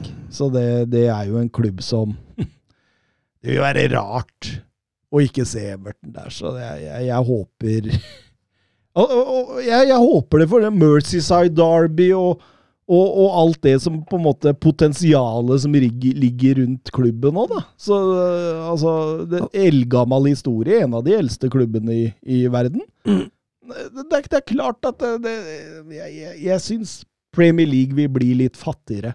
Altså, Leeds er man vant til å ha vært ned nå en god stund, så Ja, men sånn rent historisk så er det jo Leeds og Everton man kanskje tenker så- at skal ja, være der, da. Så jeg, så, men jeg er enig med deg. Det hadde vært en ordentlig nedtur for, eh, for Premier League å miste Everton. Vi går over til eh, La Liga. Ja cap a la dreta per Xavi. Assistència de Xavi més cap a la dreta per Messi, Messi, Messi, Messi, Messi, Messi, Messi, Messi. Immens Messi. Encara Messi, encara Messi. Encara Messi, encara Messi, encara Messi, encara Messi, encara Messi. Encara Messi, encara Messi. Encara Messi, encara Messi. Encara Messi. Gol, gol, gol, gol, gol. Gol, gol, gol, gol, gol, gol, gol, gol, gol, gol, gol, gol, gol, gol, gol. Gol, gol, gol, gol, gol, gol, gol, gol, gol. Ja, Mats, eh, vi snakka om at eh, Barcelona feira gullet hos eh, rivalen i, i, i forrige uke. Mm, Nå så blir det jo mer en parademarsj, da. Ja, jeg vet ikke om jeg kan kalle dette en parade, det de viste fram mot eh, Sociedad, for det var eh, det var tynn suppe, apropos sesongen over, sånn som vi snakka om Arsenal. For uh, her var det et lag i, i gåtempo mot et lag som jakter Champions League. Mm. Og den beste av alle, kanskje norsk eh, Ja, i den kampen da, i hvert fall, Alexander Sørloth. Uh, passer jo egentlig perfekt i den kampplanen som, uh, som Sociedad har lagt seg der. Uh, som en bakromstruende kontringsspiss, er god til å holde på ballen. Veldig god også i den spill... jeg bare kom, Du sa bakgrunn, så jeg tenkte at i bakgrunnsspiss, Det. var han i Crystal Palace. så har han blitt bakromspiss i, i Real Sociedad. Ja, nei, men, eh, men altså god til å holde på ballen, og veldig, veldig god også som, eh, som en ballfører, som en pasningsspiller. Det er ikke tilfeldig at han har assisten uh, før 1-0. Han har jo nesten en assist til. Jeg syns han utfyller rollen sin helt perfekt. Og jeg mener at han er banens beste, ja. Nei, han var bra, han. Eh, ingen tvil om det. Og så ser du jo selvtilliten hans vokser utover i kampen. Du ser han lykkes tidlig, får en assist her litt tidlig. Eh, plutselig tør han å føre ball og sånn. Det har jeg ikke sett han gjøre så ofte i det siste. Eh, og så kroner han det hele med en eh, flott skåring eh, på slutten her. Barca blir jo tidvis kontra i senk, da. Uh, altså, det. Kubo og ja, når de begynner, ja, når de begynner å bytte inn, eh, bytte inn de i tillegg, da. Altså Cho var jo, Mm. viste jo veldig spennende takter her. Eh, Baronechea òg. Så altså, det at de da har de to, og kan bytte da innpå eh, Kubo der, og de har en, en Oyasabal som ikke var med, en David Silva var ikke med, altså det, det men, men, denne Subimendi Mm. Altså, det begynner å utvikle seg til noe. Altså, det, dette her begynner å Det sma, Nei, jeg- smaker litt av dette, altså. Ja da, jeg veit det er mange Barca-supportere som, som vil ha han som bus Busquets-erstatter, eh, og han er veldig, veldig spennende.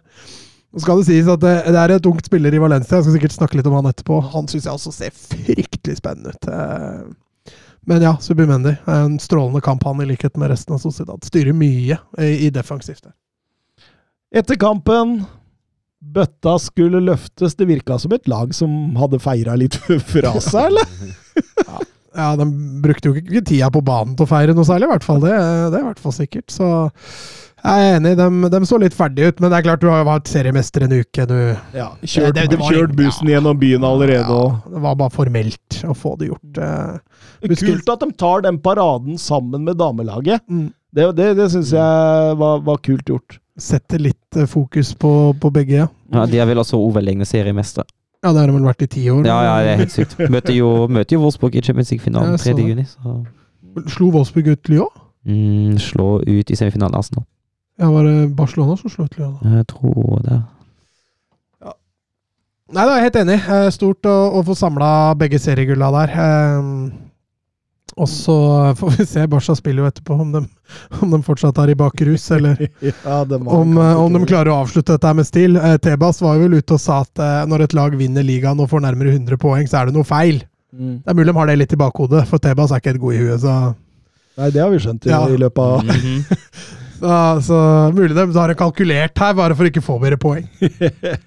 Eivind Stølen burde VAR gått inn og sett på situasjonen i forkant av Sociedad sine mål mot Barcelona. Nei, jeg syns ikke det. Eh, jeg syns det er altså, Kanskje mest på den første, men også der Jeg føler ikke at det er en dutt. Jeg føler at han kanskje har hånda litt på ryggen, men jeg ser ikke helt en dutt der. Og det er, det er fysisk spill, jeg syns det er helt greit.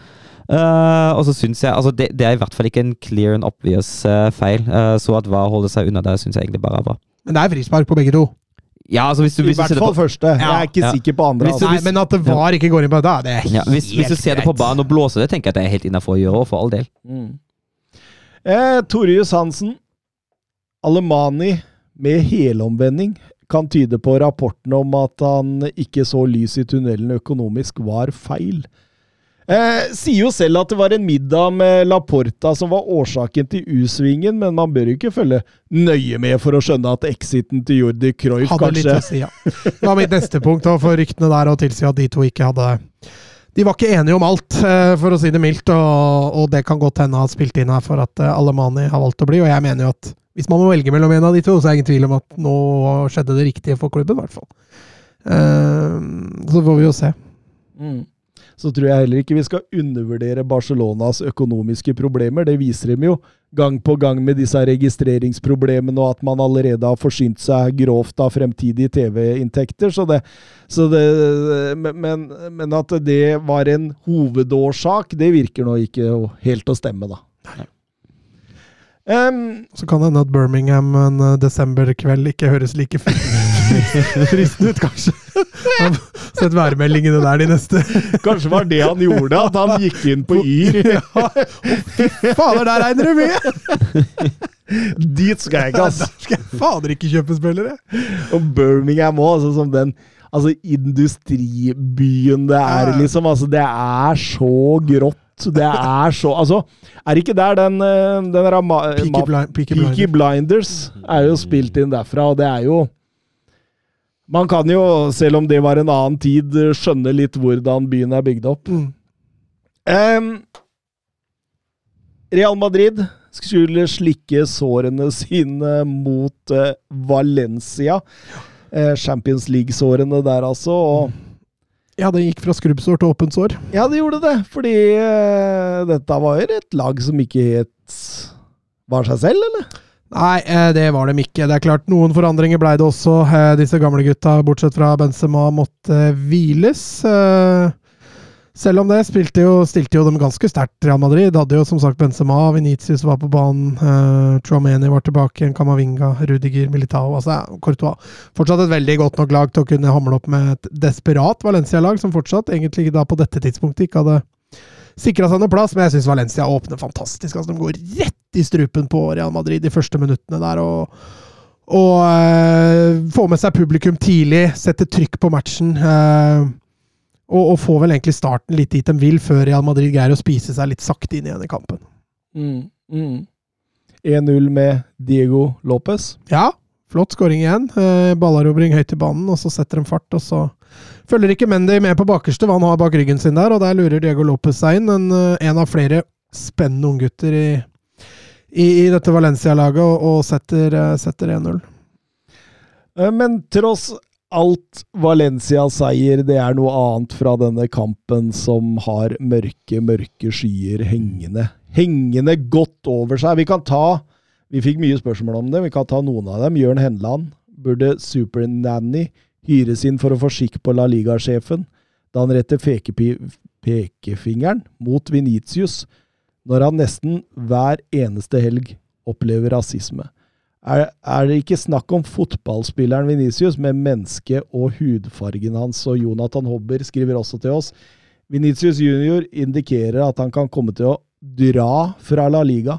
Vil jo være helt forferdelig om en av verdens beste spillere bare drar fordi situasjonen som mørk i La Liga er uutholdelig.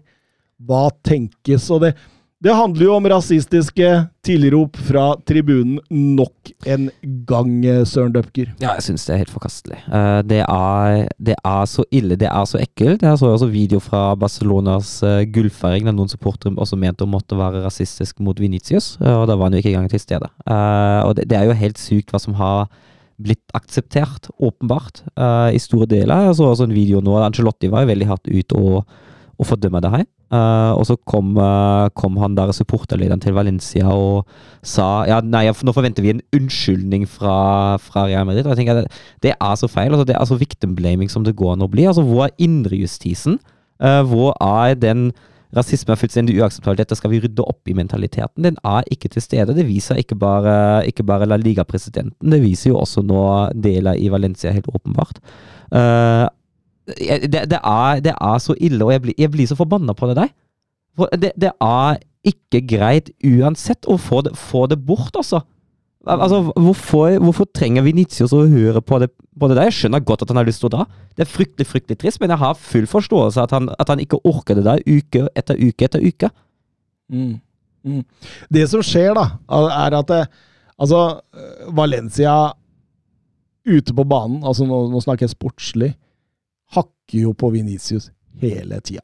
Altså, det altså, det er akkurat sånn vi, vi har sagt i denne podkasten òg. Hvordan skal man ta ut Venicius? Jo, man skal bare få han Man skal være litt rasshøl mot Ja, ja, Man må sparke den på lega. og, og, det, og det klarer de jo. Men det er jo åpenbart en gutt her som er prega av det som skjer fra tribunen. Og når Hugo Duro kommer og tar et kveletak på han, som varer i seks, sju, åtte sekunder, og at han prøver å slå seg løs for den, at det er han som sitter igjen med det røde kortet, mens Hugo Duro går og jubler til egne supportere.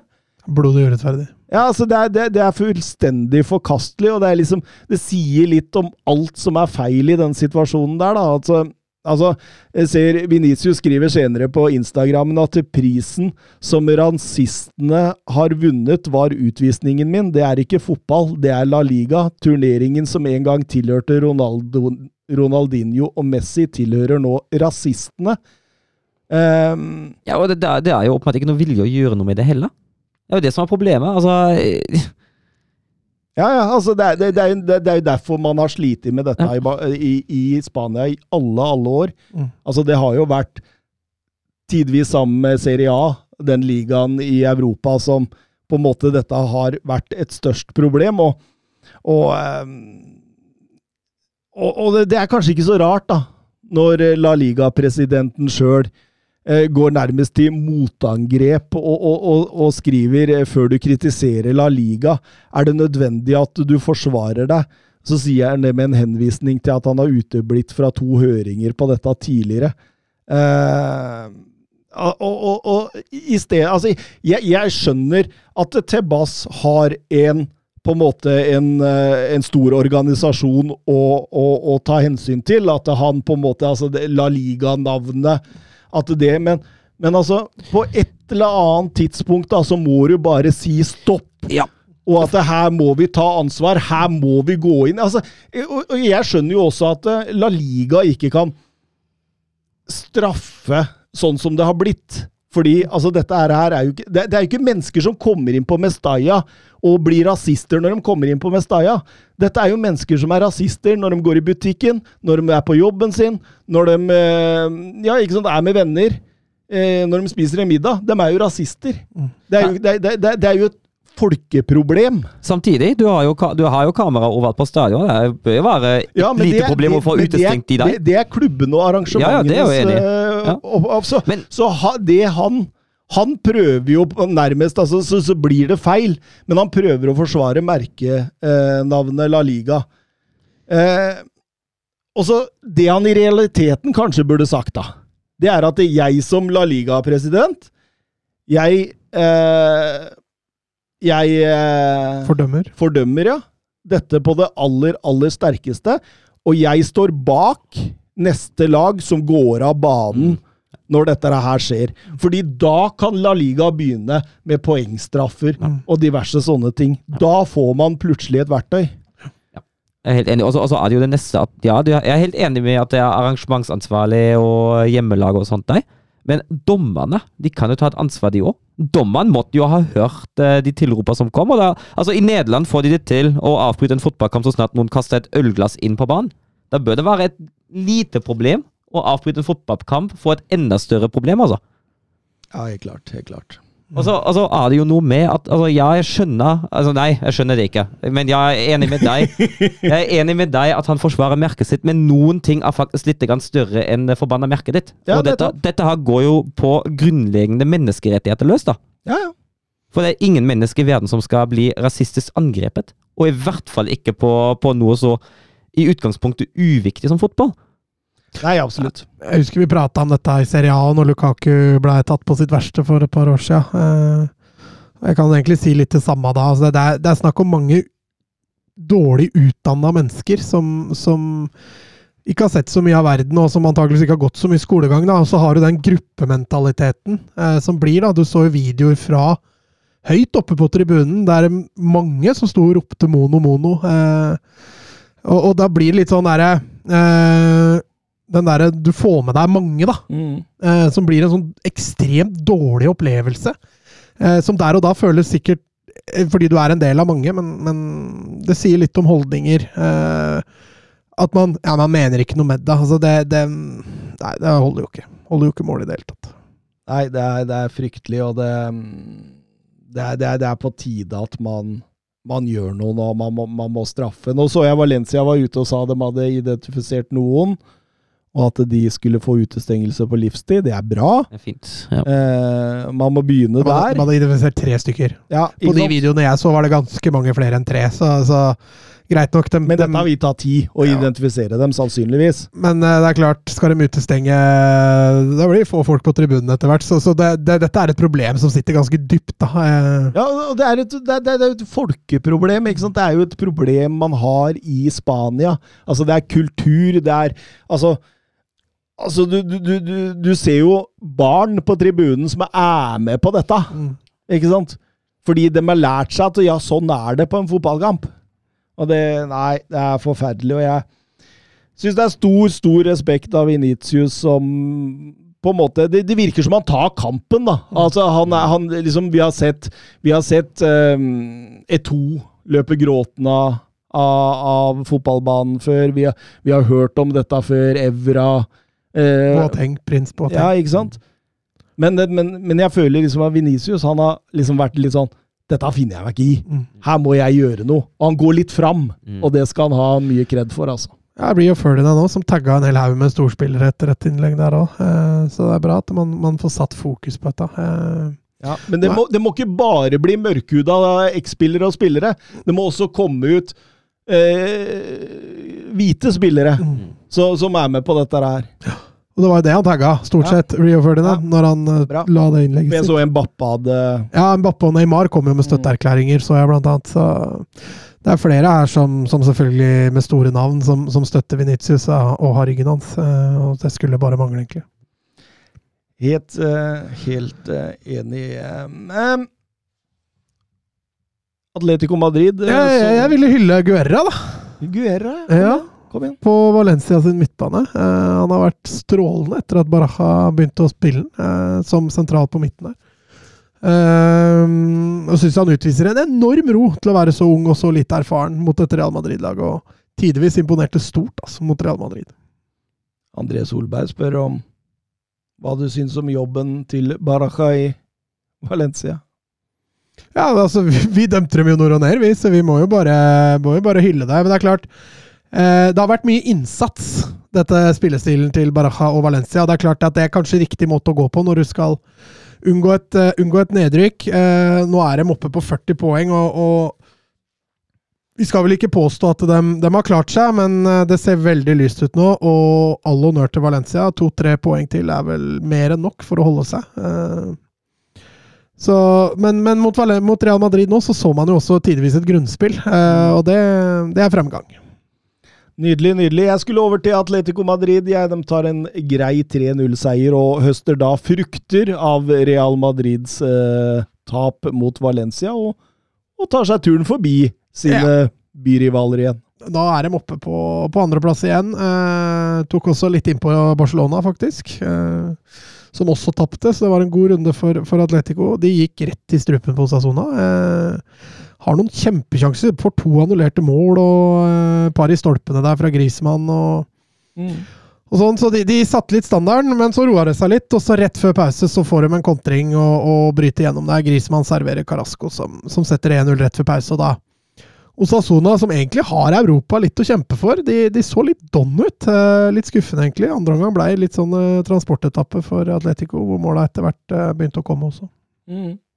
Vi har vært inne på at Real Sociedad tok tre poeng på Spotify Kamp nå, så da, da var det jo opp til Via Real å følge opp, da, hvis det skulle være en bitte liten sjanse for å, for å ta seg til Champions League. Det klarte de godt ute i overtida. Reno på rett sted til rett tid. Så lenge ute blir bli 1-1 der, altså, men uh, denne Gerard Moreno han uh, gir alle tre poengene. Totalt sett ganske fortjent. Ja, ja. Egentlig ingenting å si på det. Altså Girona, som har overraska veldig positivt i år, dem også. Eh, så det var ikke gitt at Viareal Villarreal skulle dra derfra med tre poeng, men, men eh, totalt sett ok at Villarreal vant den kampen. Mm. Der, dermed så er det jo på mange måter litt sånn status Q i toppen der, da. Det er helt riktig, men Sociedad fikk en trepoenger nå som jeg tror ingen forventa. Eh, og det gjør at Sociedad på en måte setter seg litt i, i førersetet på om den fjerdeplassen. Eh, eh, vi har vel holdt dem som en knapp favoritt før nå, så, så nå er de det jo i hvert fall. Eh, Minst 80-20 nå.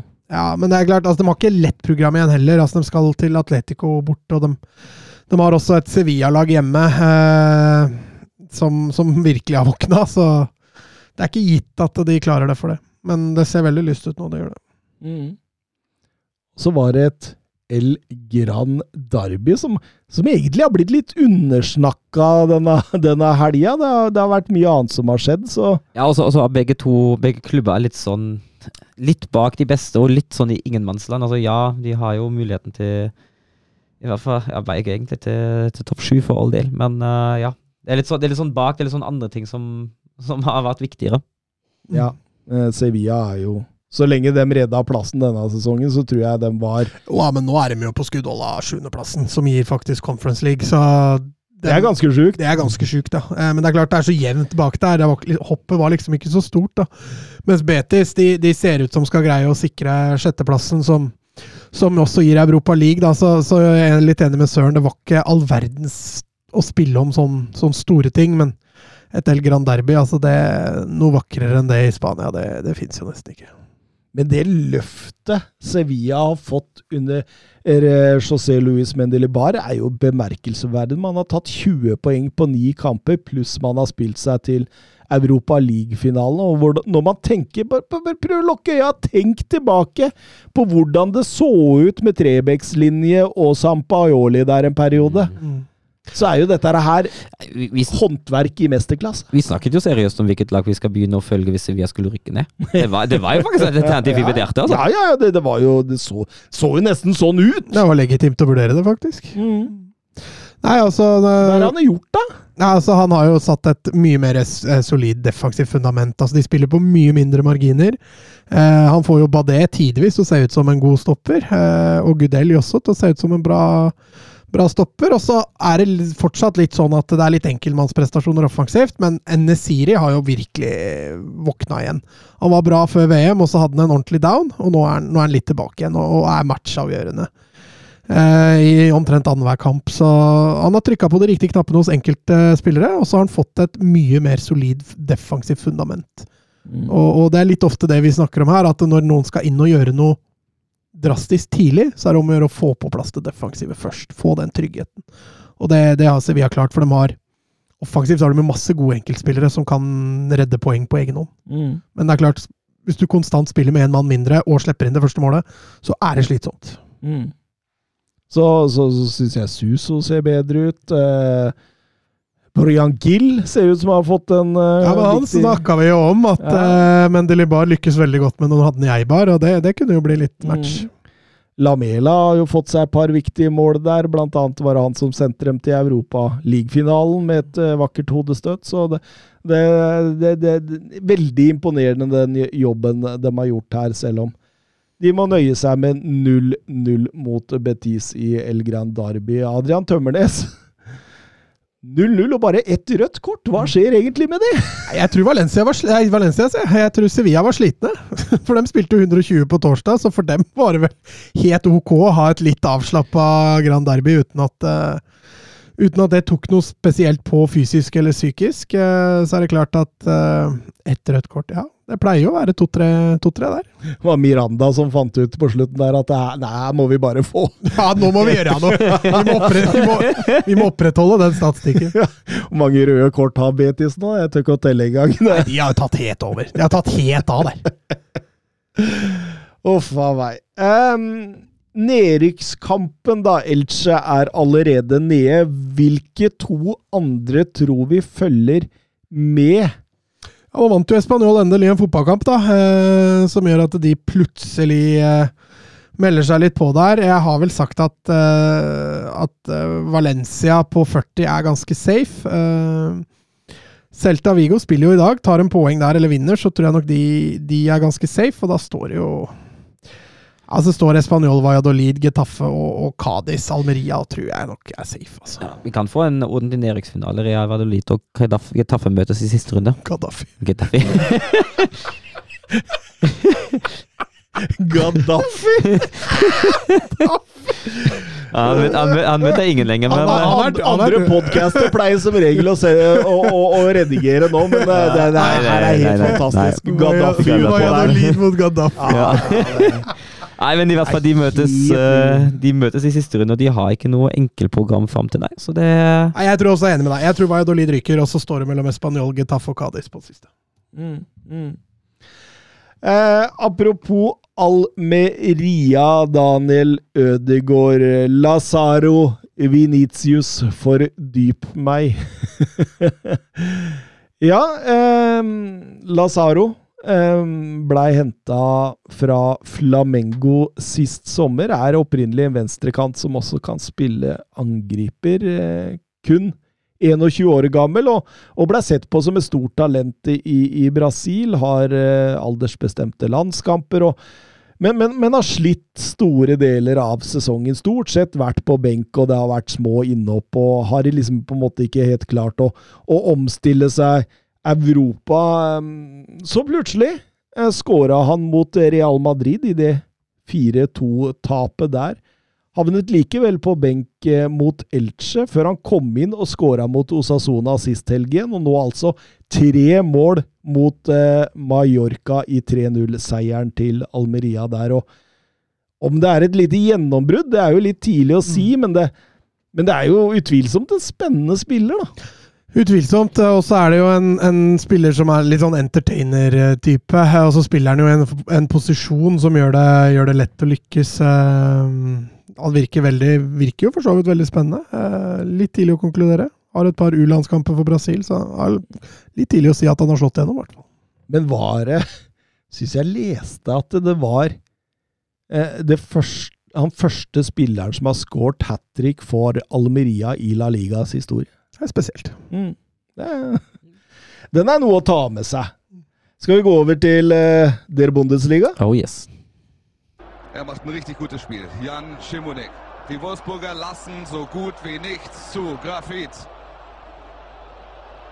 Grafit gegen Lell. Jetzt wird's eine Demütigung. Guckt euch das an. Bist du verrückt? Bist du verrückt? Tor des Jahres. Die Bayern der Lächerlichkeit preisgegeben. Ja, eh, i Tyskland, eh, Søren, der er det gullduell! Der.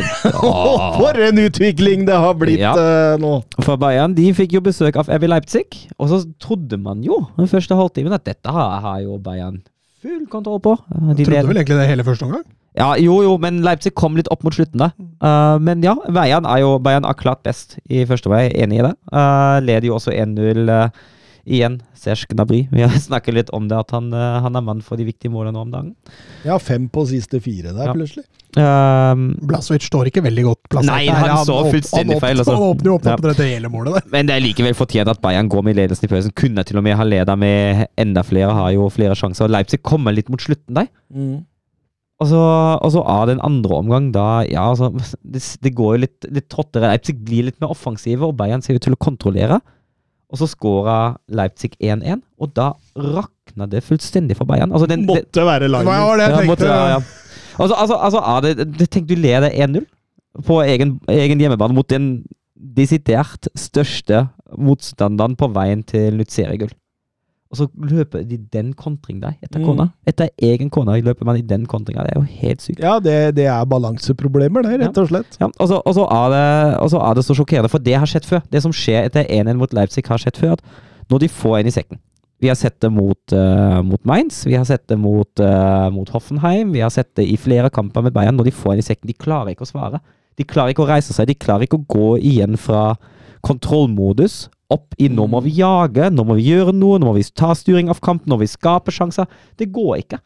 Og, Nei, og, og, og det er egentlig en ganske vanskelig Øvelse. øvelse. eh, Men- Så, så, så det er faren med sånne lag som ligger i en sånn Altså Vi har jo snakka om det før. Lag som spiller litt på de der altså Atletico Madrid, de der marginene. Mm. Altså det, det, det, det er ikke så stor og, og, og når du begynner å kontrollere sånn Altså Før i tida, da. Bayern München. hadde bare kjørt på. Ja, det hadde vi kjørt på. 1-0, 2-0, Ja, ja. 3-0, 4-0, 5-0. Og så husker jeg Hansi Flick og den uh, fotballen der.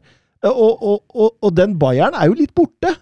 Ja, og det ryktes jo altså det, det er jo Det ryktes jo at uh, kondisjonstilstanden i laget ikke er det beste. Uh, det er kritikk mot uh, særlig vinteroppkjøringa. Da ment, eh, mener, mener folk inne i klubben, eller skal mene ifølge kilder, eh, at Nagelsmann prioriterte litt for mye ferie og litt for lite opptrening. Eh, og at det kan jo være en årsak til det, for all del. Uh, men poenget er uansett, de prøver å kontrollere. De feiler gang på gang på å kontrollere, for de får seg alt en i sekken. Og da går det én vei, da går det rett vest. Uh, og da- da, blir det Altså, det er to fryktetullete straffespark de lager òg. mot et Leipzig-lag som bli, bare blir mer og mer invitert i kampen. Leipzig kan plutselig få lov til å spille på styrkene sine.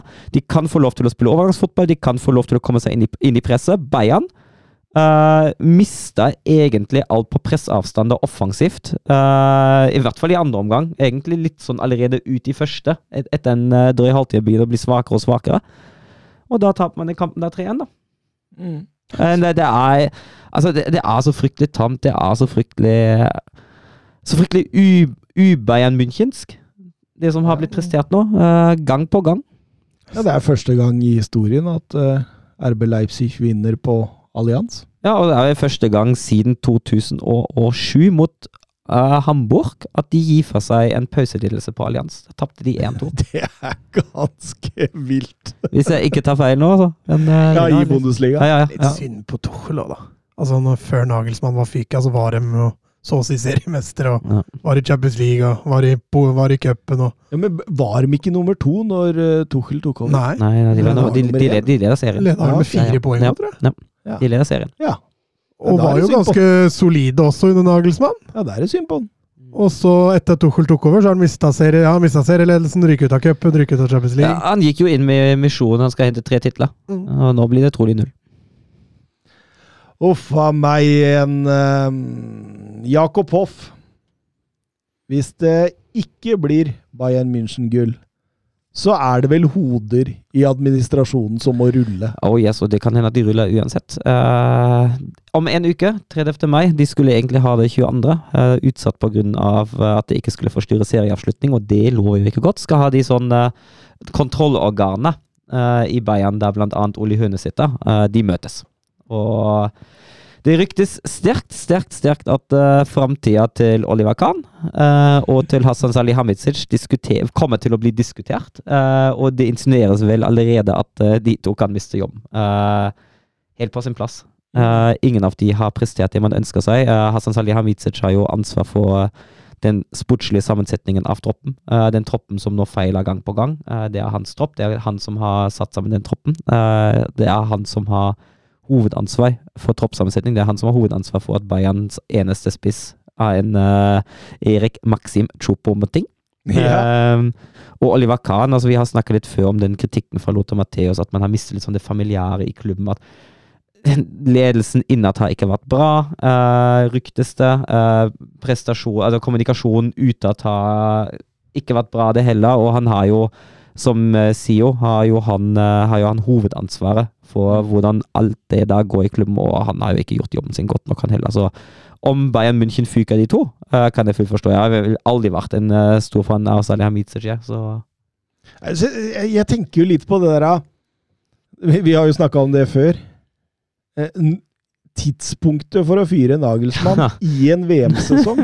Altså, hvilken svar hadde man i mars som man ikke hadde i januar? Ja. Altså, Nei, det er- var ledig, det var det som Ja, var ja, men, men, men Tuchel var jo ledig fra november. Ja, men, men Så, så altså så, her, her har de jo bare fått fullstendig hetta når de forsto at Tuchel var på vei til Tottenham. Ja. Mm.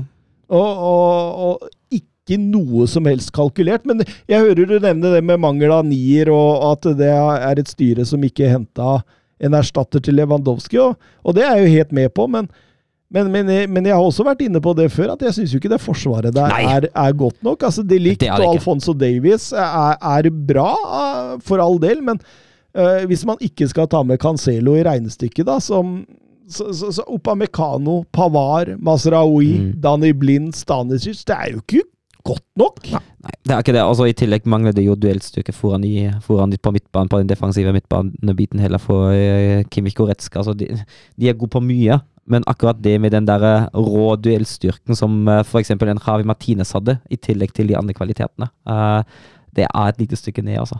Og da passer det jo fint å gå til eh, spørsmålet til Vebjørn Fredheim, Westham-supporteren eh, Fredheim der. Eh, Tuchel vil gjerne ha Declan Rice Mm. til Bayern München, tror dere de kan få det til, og vil han passe inn? På det siste vil jeg jo si Absolutt! Så til, så til de grader. For det er jo, det er jo en, av, en av de tingene de mangler. Uh, en uh, Jeg føler du får litt sånn de sekserkvalitetene som Kimmich har uh, i det offensive med, med å være en ballfordeler og kunne styre litt der, i tillegg til at du får mer duellstyrke inn i det laget. Ja, for all del. Eh, Declan Rice kan være det svaret som de trenger sentralt foran uh, forsvaret.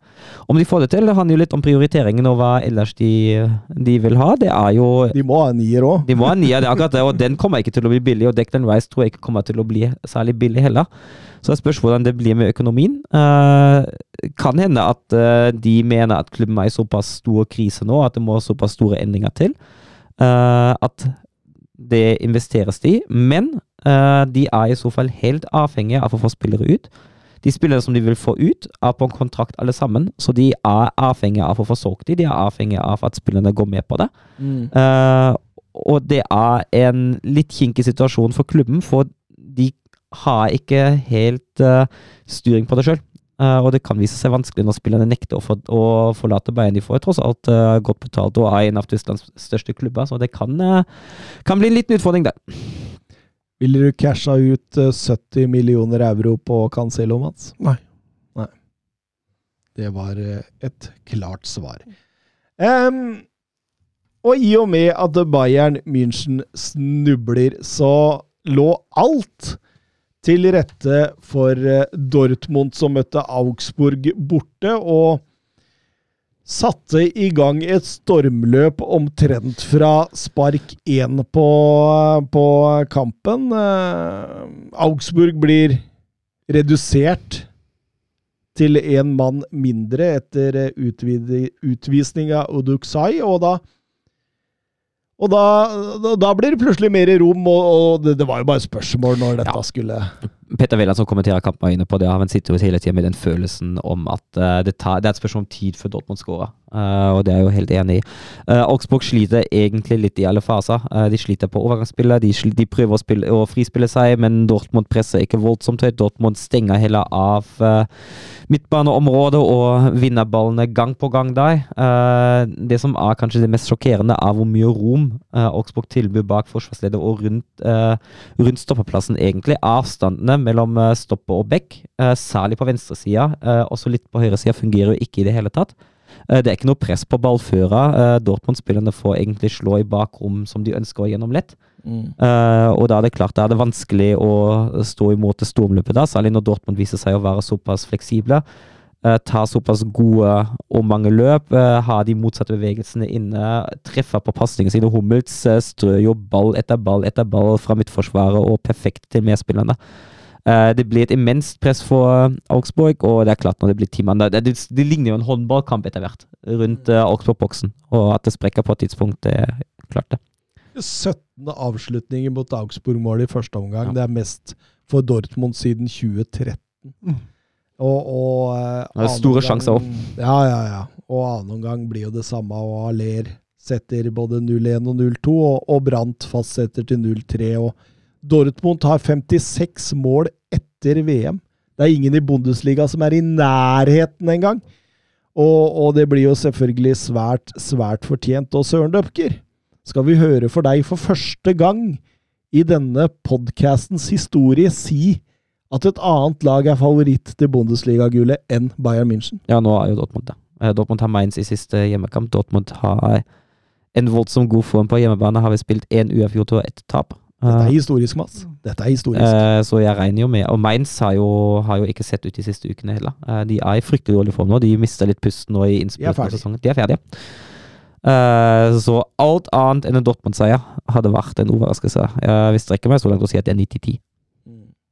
Mm.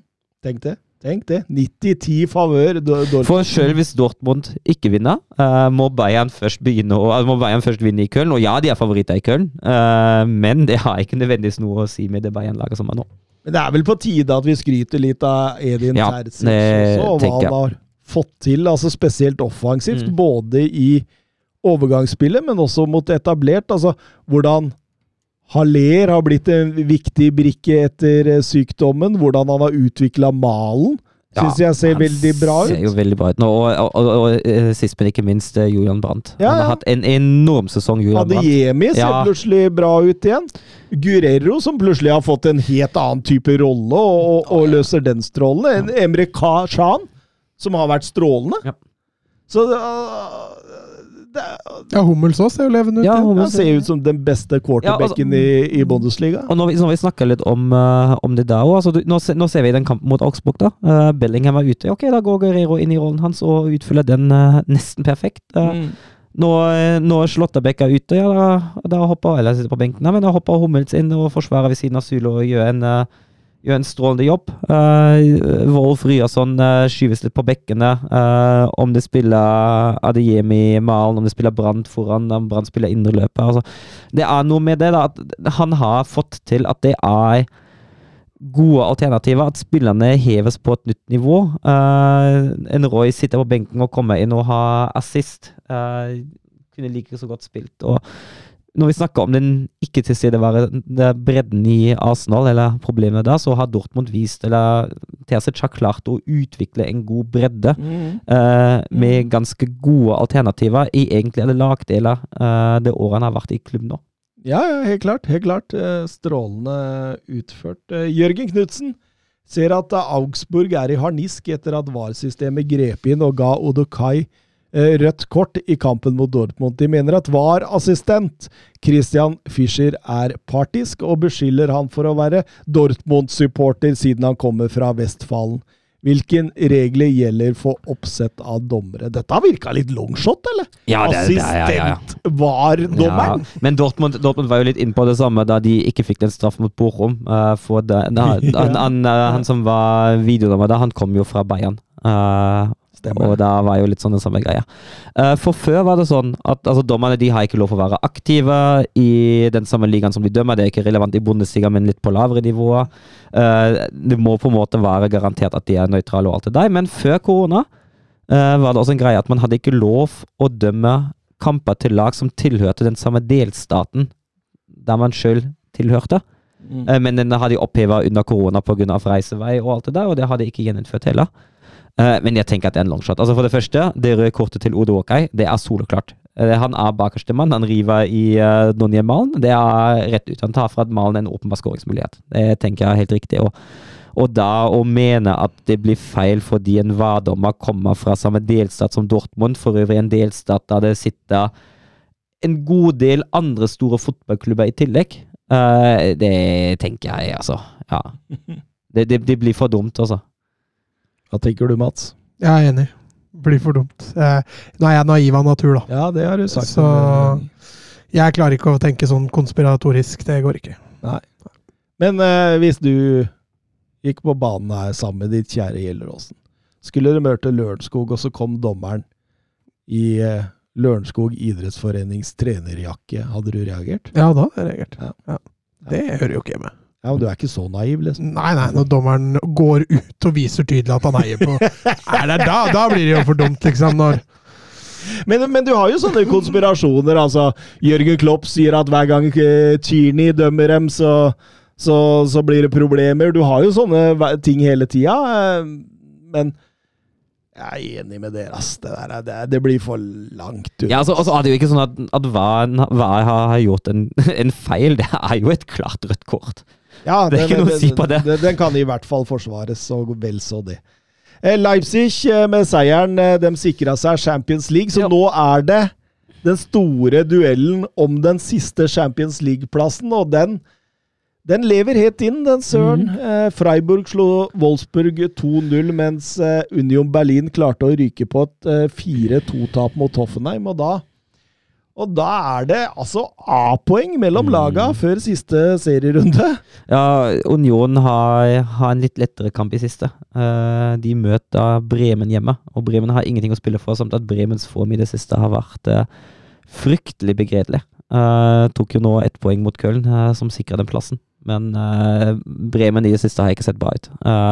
Og det på hjemmebane gir dem en klar fordel. Freiburg må reise til uh, Eintracht Frankfurt, og ja, formen da har ikke vært bra heller. uh, men Nei, de har vel én seier på siste ti. ja, men uh, de har fortsatt muligheten til å, til å ta teoretisk både sjetteplassen og i hvert fall syvendeplassen hvis Wolfsburg skulle finne på å tape mot Hertha.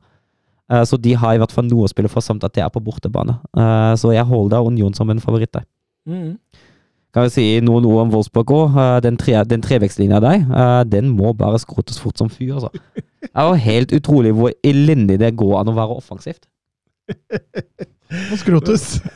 Er, men er, det ikke, er det ikke greit å, å prøve litt forskjellig på denne tidspunktet av sesongen nå? Jo, det, det er jo helt greit, men når du, når du prøver noe, så ser du at det ikke funker. Det er sekunden å spille trevekstlinje nå, fordi han prøver å overbevise Joshua Gilavogi om å bli, og da setter han som sentralt på midtbanen med plassen. Ja, eh, Jørgen Knutsen skrev spør ja, Først og fremst så vil han høre om eh, dine prestasjoner på skytefestivalen.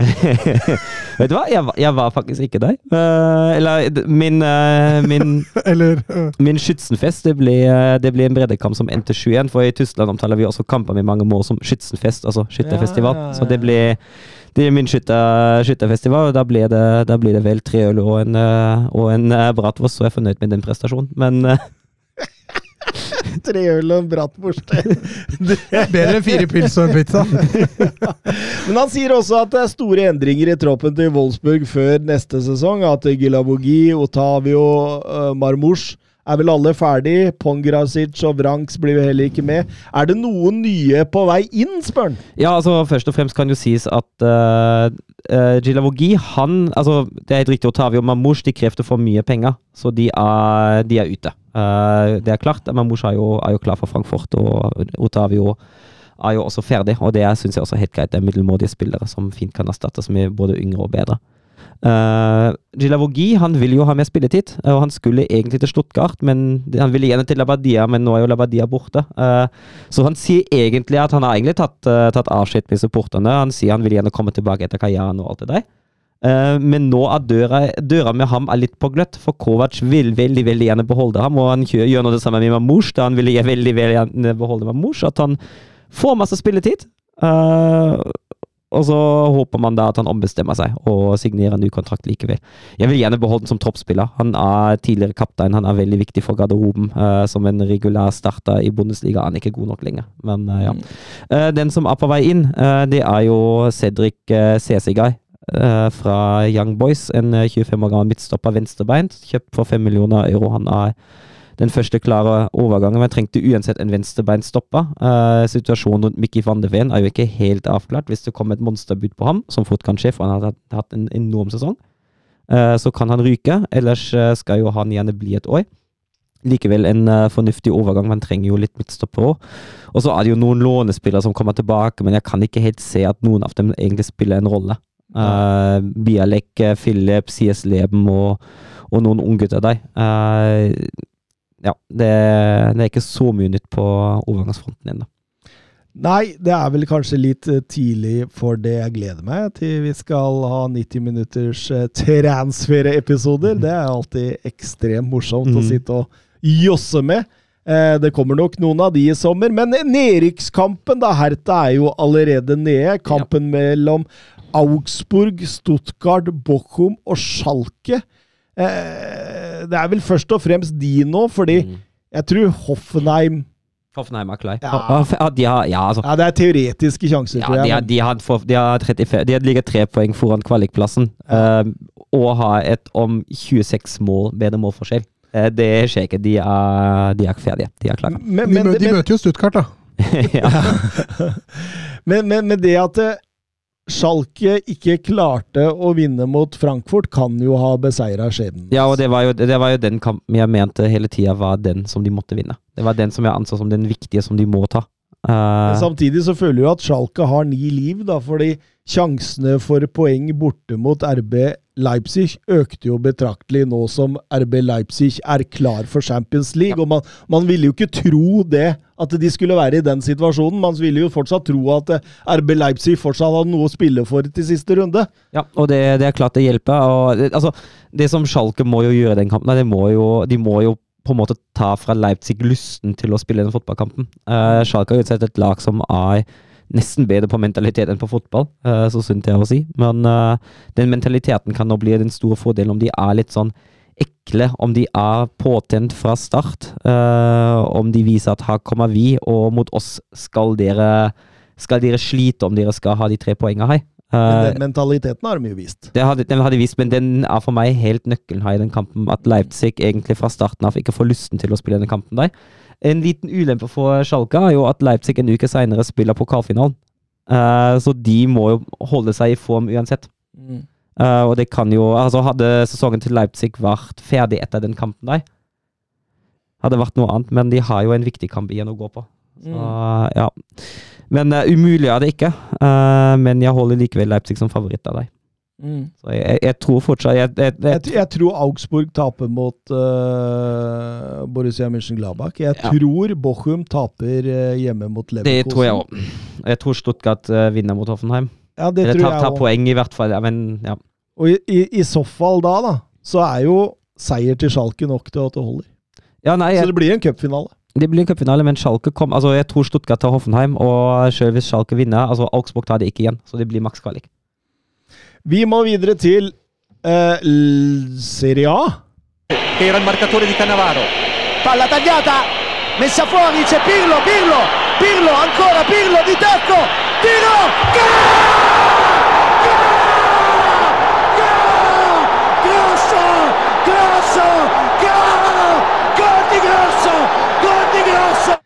Ja ehm, Hvor skal vi begynne? Vi begynner jo på toppen som regel. Eh, Napoli eh, hadde eh, lite problemer med å slå Inter 3-1. Og når vi så Det så ut som Napolis sesong var litt ferdig, at man bare skulle bli ferdig med sesongen, så, så viste de litt tilbake til, til gamle takter der. Og det var Inter som fikk eh, unngjelde, selv om den blei én mann mindre i første omgang der. Ja, det er for meg litt sånn nøkkelen, da. Eh, Jeg syns jo kampen er forholdsvis jevn fram til deg. Eh, Ja, Napoli er best, Eh, men når de spiller mot teamene nå, med den angrepsstyrken som de tross alt har, så blir det lettere for dem. Og da, da, da ser det ut som at de får kose seg litt mer, og de får litt større rom, og da blir det en seier.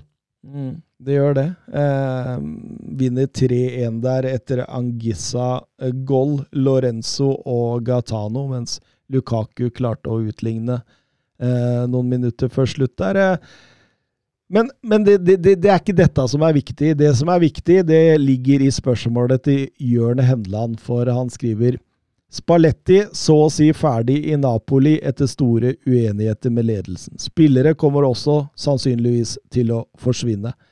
Eh, har dere noen navn dere tror kan ende opp i Napoli, både som trener og, og spiller? Og vi, vi meldte jo om dette i forbindelse med gullfeiringa, at her var det knute på tråden. Og så kom det jo rapporter på at det var en løsning i gjære, at eh, en ny kontrakt nærmest var klar.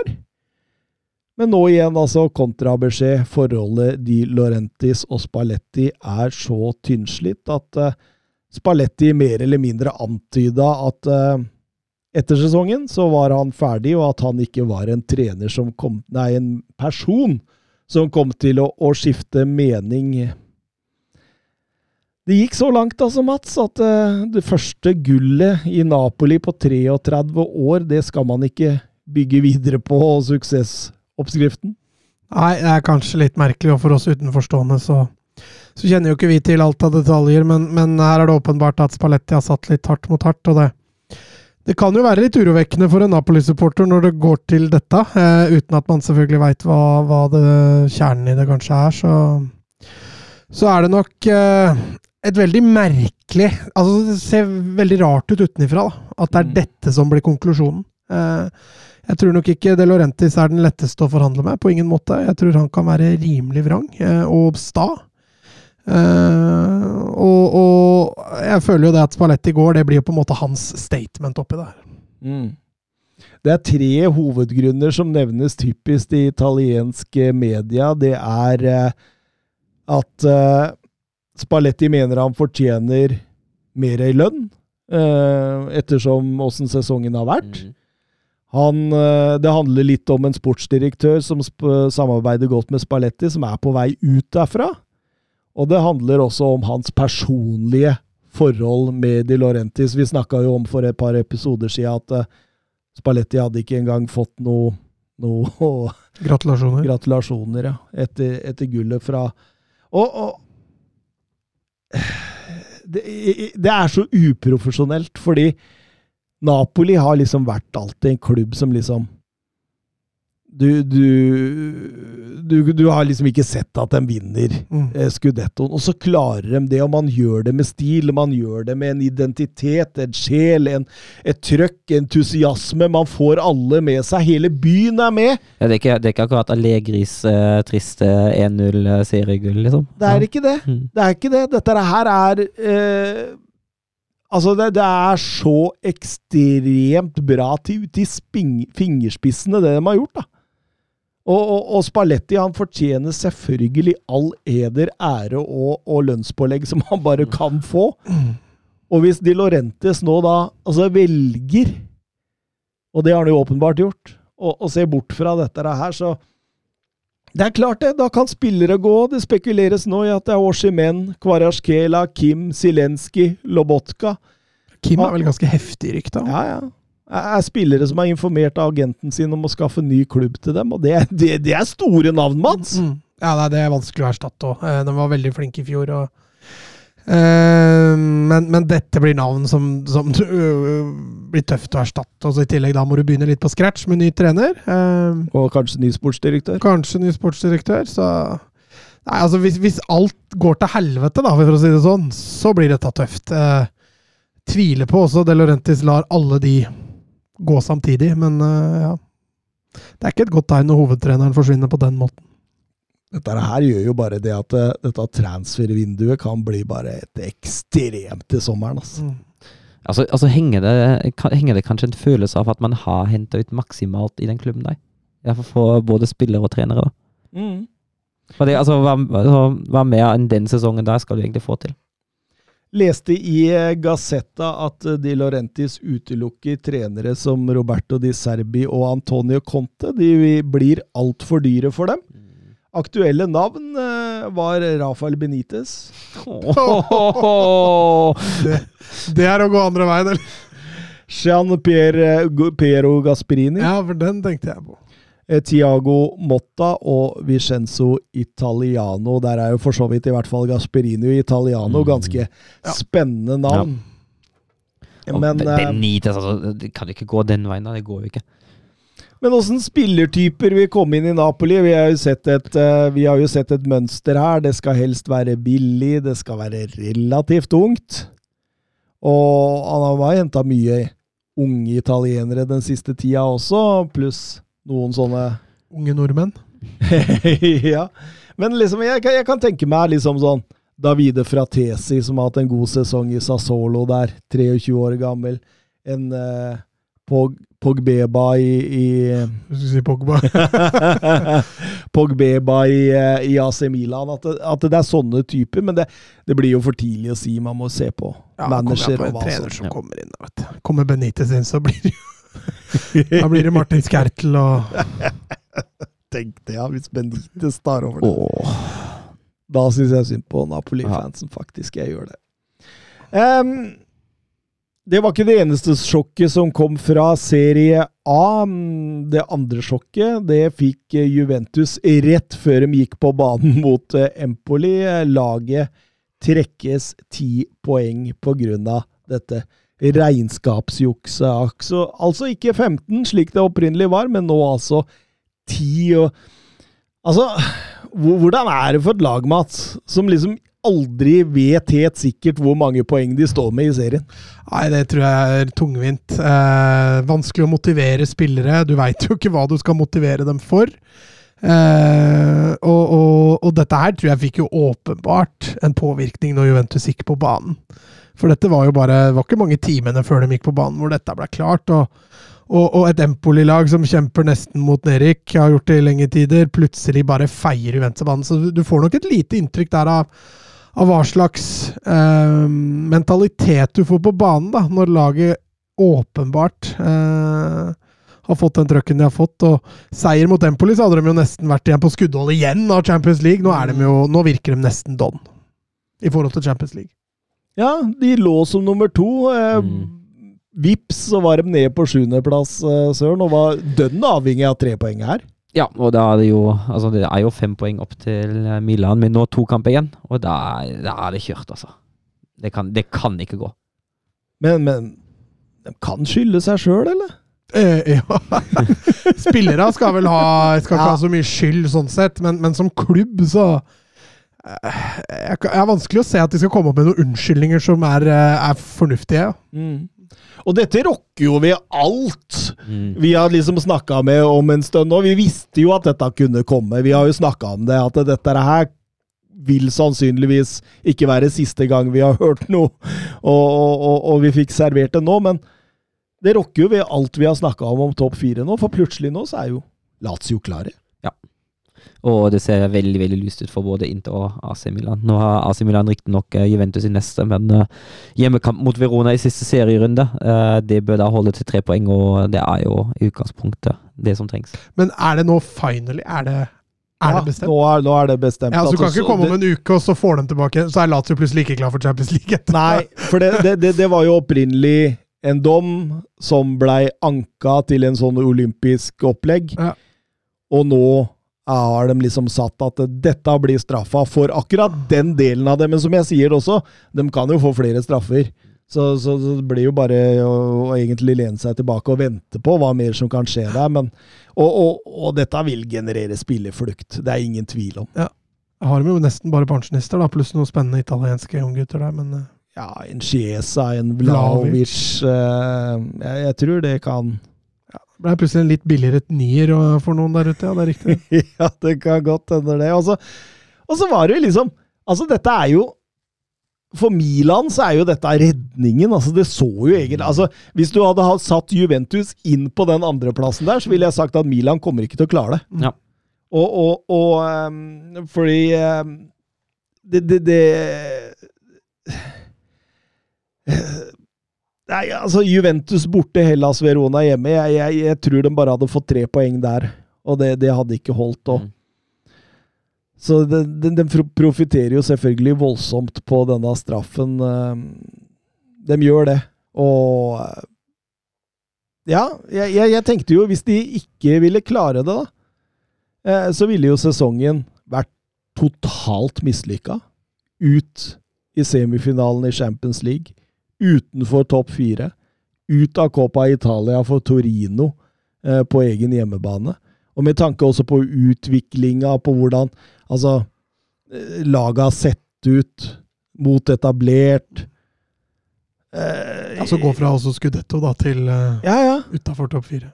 Så tror jeg liksom Pioli sin skjebne kunne vært Sealed. mm, Tror det. Men likevel nå, da, så har de fått et lite, en liten livbøyle der. Men bør, bør Milan fyke Pioli likevel for utviklingens skyld? Ja.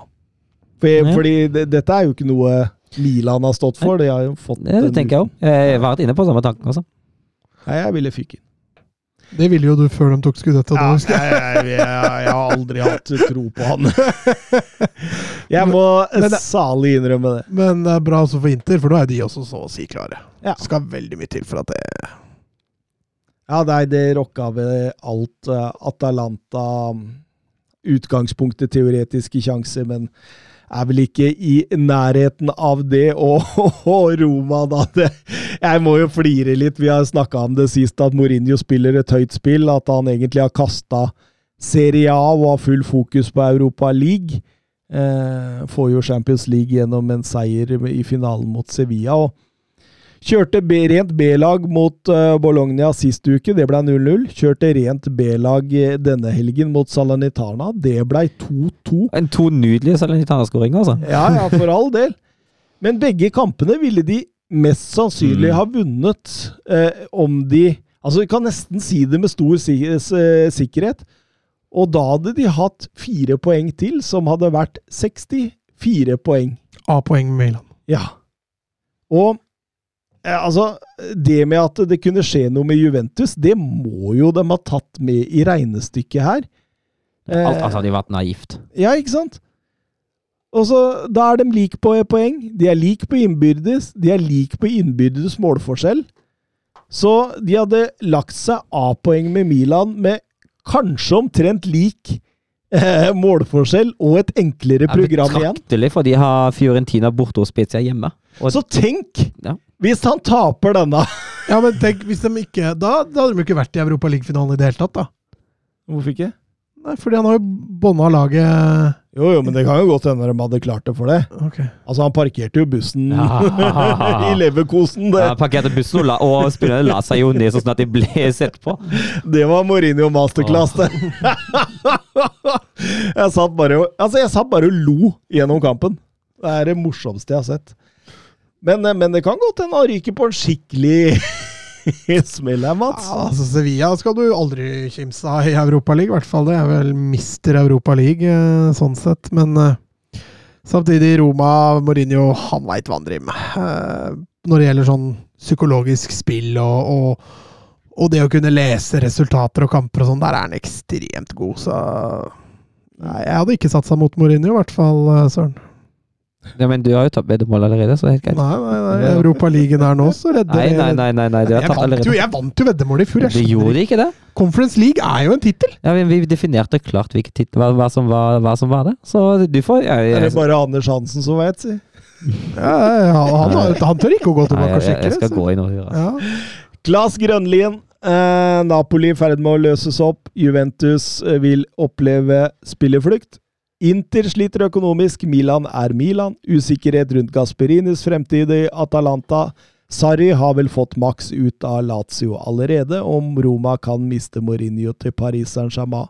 Var dette en one-off season i Serie A og Europa? Ja, det var det. Uh, og altså, Dere har jo vært litt inne på det i Champions League òg. At eh, altså, Napoli har vært uh, voldsomt gode, men Inter og AC at, de, at et av de lagene skulle til finalen, skyldes jo litt den enkle veien som de fikk. Eh, I tillegg til altså Jeg skal ikke ta fra dem noe som helst, for de- tross alt bra prestasjoner til deg.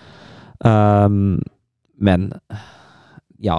Uh, altså, jeg føler at det, det, Europa det er litt mer bingo. Det er bare to kamper som avgjør. Det er trekning som avgjør. Uh, det er ikke nødvendigvis alltid de beste lagene som havner der de havner. Uh, hadde det vært de beste lagene som hadde spilt finalen eh, i hver av turneringene, så hadde ikke italienske lagene ikke vært med. Um, og altså, det er en enorm prestasjon av Serie A-laget der ute igjen. Jeg vil ikke ta fra dem noe som helst, men uh, at det i overskuelig framtid blir en lignende sesong for Serie A-laget, nei, det kan jeg ikke se for meg.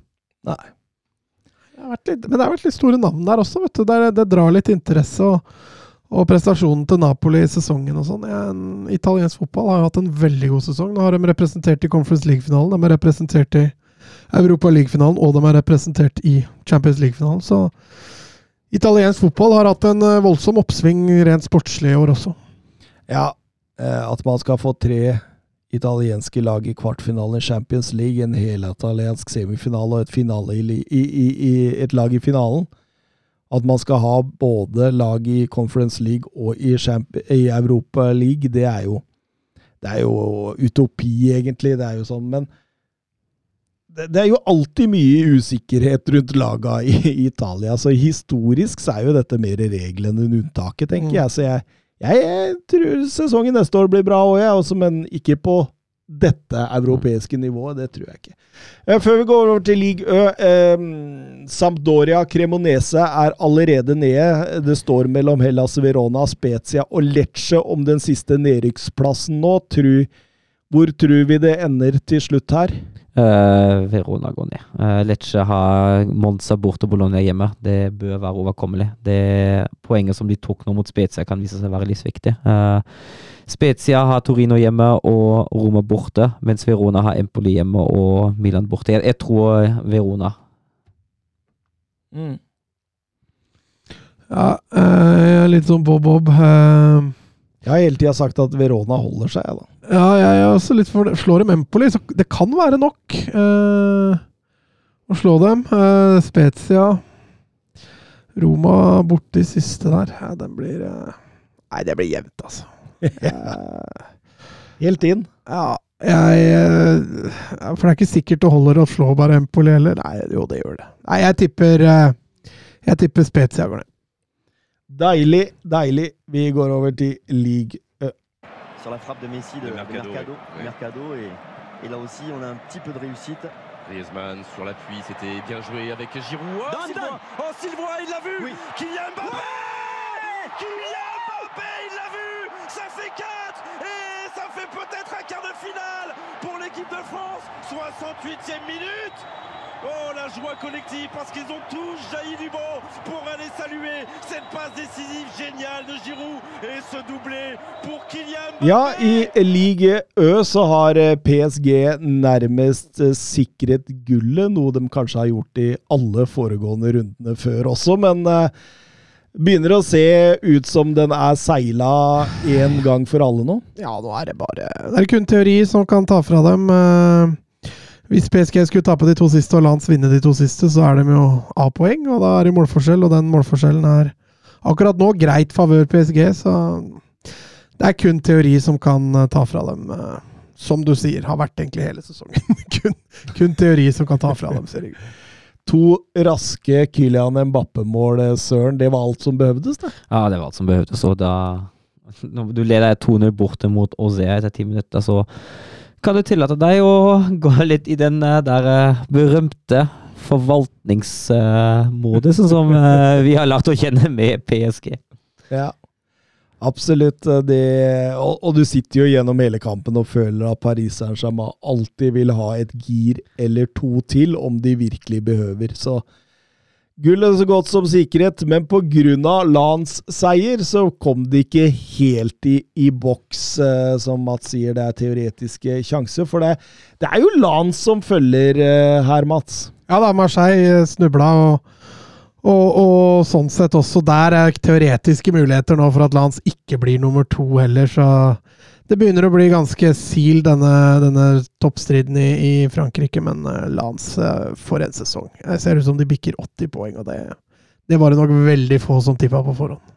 Ja, jeg tror ingen har hatt høyere poengsum eh, eh, av å bli nummer to etter Paris Saint-Germain i hele QSIs eh, historie, i så fall. Eh, Ajax og Auxerre, det bør jo bli seks poeng, det de har Mm. igjen der. Eh, vi har skrytt mye av Frank Heise, vi har gjort det. Lance, et lag førende enkeltspillere, egentlig. På mange måter PSGs motsetning. Eh, selv om Opendas 19 league Ø-mål denne sesongen og en Seko Fofana som tidvis har storspilt. Det er jo spillere vi må dra frem her. Han i storkampen. Mm. Markus eh, Andersen spør hvor gode er Lance egentlig? Har dere troa på at de kan gjøre noe i Champions League? Jeg tror det kan bli veldig tøft for dem. Uh, fordi sånne, sånne sesonger som det her uh, Det kan backfire litt i form av at du mister dine beste spillere. Uh, en Openda, en Fofana, som, uh, som du er inne på, en eh, Medina. Eh, når du havner på andreplass og får vist deg litt fram og sånt. Eh, og det egentlig ikke er noe mer å hente ut med, med den klubben der. Du får Champions League-spill for all del, men eh, man kan fort uh, falle for, for rop fra andre ligaer fra større klubber, som tross alt fortsatt ligger foran lag. Så at den prestasjonen som de har hatt denne sesongen, den har vært enorm. Um, men det, jeg føler også at det er Det kan bli vanskelig å gjens, gjenta det og gjenskape det. Altså, de, de er veldig vanskelig å lese, fordi Mm. det, er, det er et annerledeslag. Mm. Eh, for eksempel da når de mistet sportsdirektøren sin til NIS, var det vel i januar-februar, så, så lar en Frank Heise ta jobben sjøl, Mm. med, med overganger etc. Og, og Frank Heise han henter ikke navn. Han henter gjerne spillere som enten er blitt gitt opp, eller han finner i en, bak en rot i skogen. Altså. Men, han, men han henter dem fordi de vil passe Lans sitt system. Det er veldig sånn rollebasert fotball. Klare linjer på hva man skulle kunne i hver posisjon, og hvilken spisskompetanse man skal ha i hver posisjon. Så, så ligger det selvsagt et knallhardt arbeid i bunn der. Jeg tror eh, gutta på midten der har et O2-opptak som er ganske, ganske høyt oppe i, i europeisk målestokk. Og Frankrikes Bodø-Glimt. ja, det- det er litt sånn og, og, og, og, i utgangspunktet så skal de jo ikke ha noe i Champions League å gjøre. Men når det er sagt, så er de, de er veldig solide. De er veldig hardt arbeidende. De er godt organisert, strukturelt meget bra, og så har de spisskompetansen framover der. Mm. Så ja, med, med riktig gruppe så kan Ja. dette gå videre, det. Men det, det er vanskelig å si før overgangsvinduet har vært, altså. Ja, Ja, altså, men jeg tror ikke de mister noen nå som de går til Champions League. Jeg tror Seko Fofana og Penda og gjengen har lyst til å være med på dette. Vi får Fordi se. de, de, de har råd til det, på en måte. da. Ja, vi, får, vi får se. Jeg, er- jeg er spent på overgangsvinduet. For det er, sånne, det er gjerne sånne sesonger som skaper interesse hos andre klubber. Ja, men Openda, Penda, han er, han er ikke ferdig. Han er ikke ferdig utvikla. Det, det er fortsatt et, ja, det er et et nier- prosjekt. det er et niermarked der ute nå som Ja. er ganske sultne, da. Yes, Og 19 mål i league Ø. Det, det er en god søknad. Ja, Men det har Balogun nå, altså. Ja, men han- han Arsenal- er jo Arsenal-produkt, da. Ja, Eller Arsenal-spiller. poenget mitt er at du vil sannsynlig Nei, Jeg tror det er lettere å lure han bort fra Arsenal enn å opphende fra, eh, fra Lance akkurat nå. Hvem blir dyrest, da? Eh, Nei, det, det, det blir jo Balogun pga. han er Arsenal-eid. Men, men, men på den annen side, da, så altså CK Fofana Hvor mange år er han? 28-29? Ja. Han er mer etablert, så der er jeg litt mer enig med deg. Der. Ja, det er også en kaptein nå. Det tenker jeg altså, han kan fort en, altså, hvis, hvis det er én en som blir, er det jo han. Mm. Men samtidig, altså, veit du Altså, før Openda så hadde dere Moffi. Han bøtta i mål, han òg. De finner typene. Ja, Men fortsatt, altså, men hvis, hvis, hvis du må bygge på nytt hele tida, da Det blir litt enklere å bygge når du er i Champions League, da. Ja, jo, jo. Litt lettere å overtale Det er klart, de spillerne du finner bak en rot i skogen, de er kanskje lett kanskje lett å overtale uansett. Eh, og grunnen til at Lance så å si er klare nummer to, det er jo fordi Marseille taper mot Lille. Eh, ligaens beste bortelag har to strake bortetap nå, og, og eh, ja hva, hva, hva tenker vi? Eh, Er eh, sesongen eh, til Marseille og Igor Tudor er det, er det bra nok? Ja, tredjeplass, altså Altså utgangspunktet så er ikke det en altså, veldig dårlig plassering, syns jeg. da. Altså, det, som, det som ødelegger litt, er at de har Lans foran seg. Jeg tror nok det kanskje er verre. Hadde det vært Monaco eller, eller Lyon eller noen av de andre der, så, så tror jeg kanskje det hadde vært lettere å akseptere. Men, men tredjeplass isolert sett får vi vel si er ok. Eh, mulighet for Champions League. Eh, mye bra resultater, spesielt som du sier på bortebane. Så konkluderer med en, med en ok sesong. så må de jo være litt nervøse for denne Champions League-kvaliken, i og med Monacos eh, skjebne de to siste sesongene de har gått inn i en kvalik. Ja, og det er klart, altså, du møter, du møter til slutt tøff motstander. Eh, Det er ikke lag som, eh, som du bare slår. Hvem er det Monaco gikk ut mot igjen? Var ikke Nederland, da? Jeg tror det var PSV. PSV, ja, og før det Sjaktar. Mm, Men Stemmer.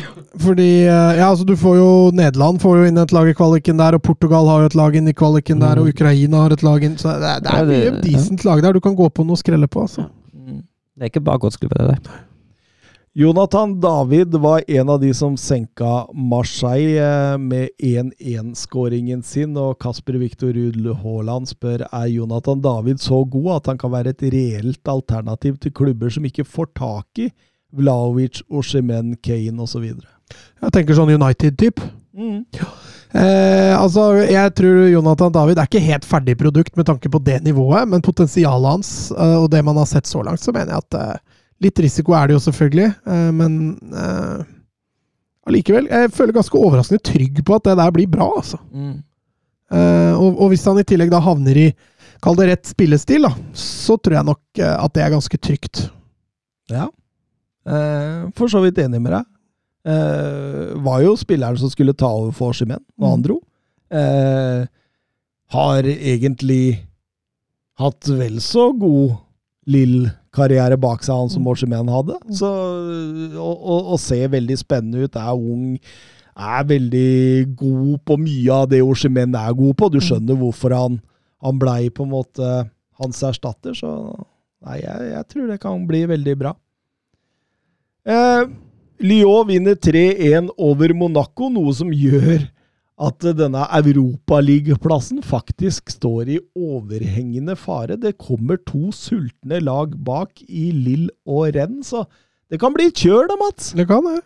De, de må prestere de to, to siste kampene. Monaco de må, de må levere resultat, eh, og de er jo en slags cupfinale allerede nå neste helg, når de møter møter Rennes, så den, den kampen blir jo litt definerende. Toulouse hjemme i siste bør jo eh, bli, bli seier. Eh, så den eh, hjemmekampen, nei, bortekampen de har mot Rennes nå til helga, kan jo bli et avgjørende. Det bør jo nevnes da at eh, målforskjellen kan faktisk spille en rolle her, og da, da ligger Monaco dårligst an i forhold til eh, målforskjell også. Så de, de må prestere på de siste to kampene for å, for å klare det. Ja. Og da én seier i ligaø på siste fem, det, Det er dårlig form. det er ikke veldig, Altså- veldig greit. Og så har Lill også ganske grei program mot slutten, der, med både Nors og Troa. Mm. Ja. ja, ja, absolutt. det kan fort bli seks poeng på Lill. jeg, jeg tenker at dette her er helt åpent. Ja. Det gir jo også femteplassen i Europa, da, så, så det blir jo blir jo ikke helt kjørt, men uh, det er klart Europa League er vel litt mer givende enn eh, enn Conference League. Nedrykkskampen Anger, Troya og Ajaxio er allerede nede. Den siste plassen er den det er snakk om. Der står det reint mellom Nantes og Auxerre. Og begge to har én tøff kamp foran seg. Uh, Norse eh, neste runde mot Lille og Zea i siste runde mot uh, Lås. Eh, så har jo Nås møter jo Angay i aller siste hjemme, og den, den blir jo tre poeng. Det kan ikke bli noe annet enn tre poeng. Og så har jeg sånn spørs om Ozea klarer å slå Toulouse på bortebane, og den kan være, litt mer vrien, så da tror jeg kanskje at Norse klarer å holde seg til slutt. Det er bare Will Steele og Rem som ikke slår Anger nå for tida. Will Steele var rasende etter kampen! Han var fullstendig forbanna. Hans. hva er det han sa? At han var usikker på om det var fotball han så? Det da Det er utrolig bra. Nei, det er fortsatt litt spenning uh, i uh, League Ø. Um, de ordet, med de orda så setter vi over til uh, europahjørnet. Bra jobba, gutta! Bra ball! Ja, grei offside. Tor Håkon, den er grei. Bøkka. Tor Håkon! Nei, Tor Håkon, det var din egen skyld. Ikke bli sint for det, i hvert fall. da. Tor Håkon, ikke kjeft på dommeren. Og ikke kjeft på dommeren. Tor Håkon, nå hører du på dommeren. Det er hver gang, altså. Hver gang. er der. Eh, Vi begynner i ERS-divisjonen, vi, Søren. Ja. Uh, Gullet avgjort. Feyenoord har tatt det. Uh, Woohoo! Arne Sløtt! Ajax Det er europahjørnet, nå, nå kan vi kose oss litt! 18-årsgrense i europahjørnet. Ajax uh, møtte Utrecht på hjemmebane. Var det klart beste laget egentlig i hele kampen. Leda kun 1 til pause. Berchwein som skåra. Bø har leda med flere skåringer. Dovikas utligna fem minutter etter pausen, men uh, Broadbay og Klassen sørger for at, at Ajax vinner fortjent. PSV spilte kun uavgjort mot Herenveen, og dermed er det en, et lite hopp for Ajax å klare andreplassen og Champions League-kvalifisering. Uh, det er tre poeng bak. Ajax har det bedre, mål, den målforskjellen. Uh, de møter Tvente i siste runde, den må de vinne. Uh, og Tvente på femte. Og PSV møter AZ på fjerde i siste runde. Så det er det er en mulighet, at, at Ajax fortsatt klarer det, men det, det lukter litt uh, Europaliga. Ja. Ja.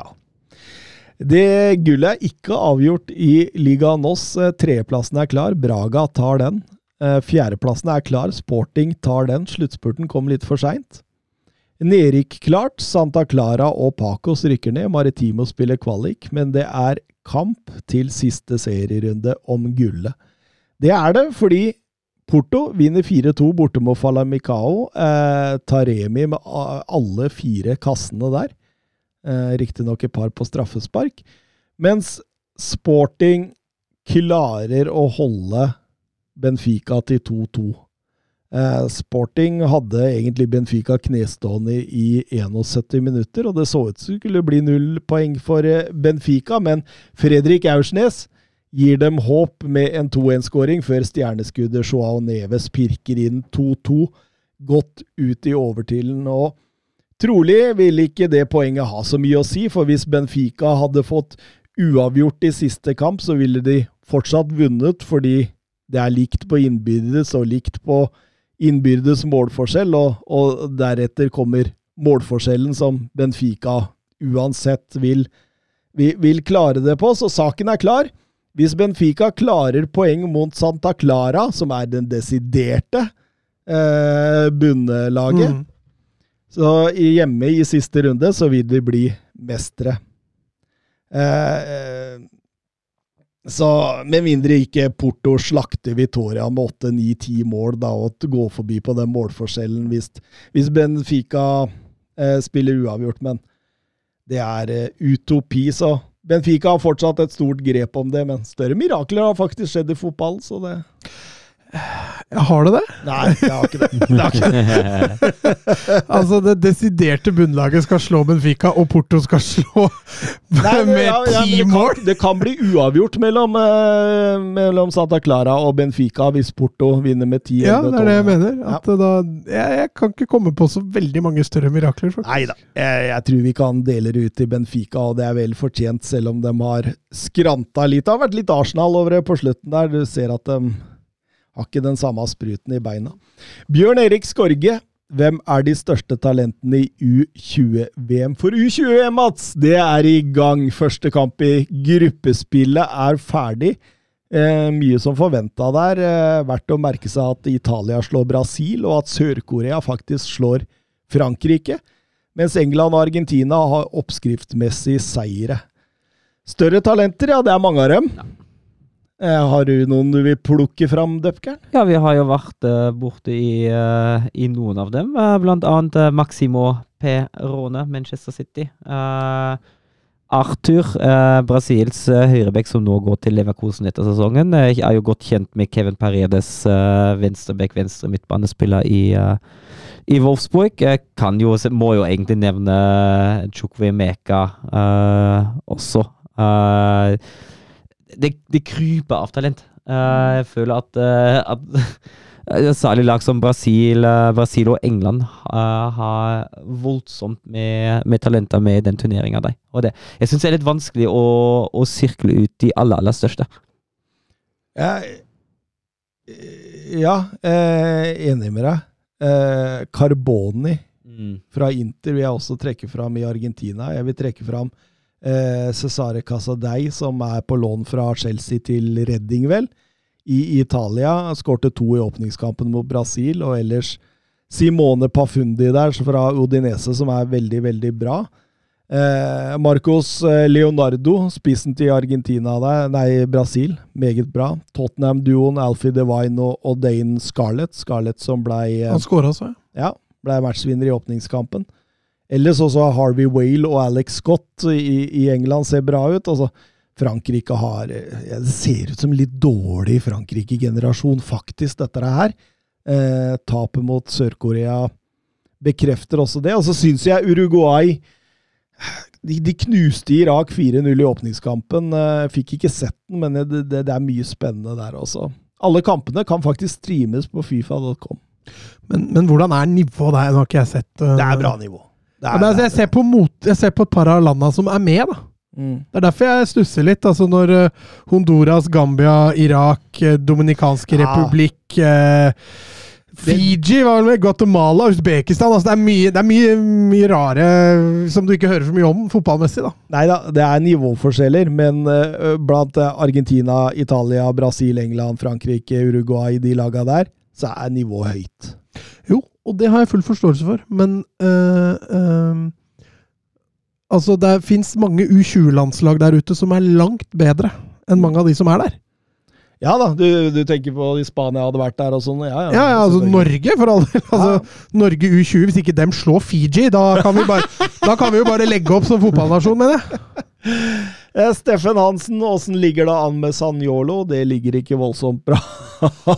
Han, altså er egentlig for jævlig at et sånt fotballtalent uh, kan surre rundt ned i Tyrkia. Der ser man vel kanskje resultatet av to korsbåndskader, men uh, ligger an til å få med seg et seriegull da, for Galatasaray. Har fem poeng ned til eh, Fenerbahçe. og han blei matchvinner i debuten sin, men etter det så har det ikke gått sånn voldsomt bra. og Nå soner han vel for rød, rødt kort, som han fikk i forrige runde, så Nei, det spørs hvor eh, den karrieren går videre. Finn Jørgen Halvorsen, hvis dere fikk velge Dere måtte ta en av disse til deres klubb.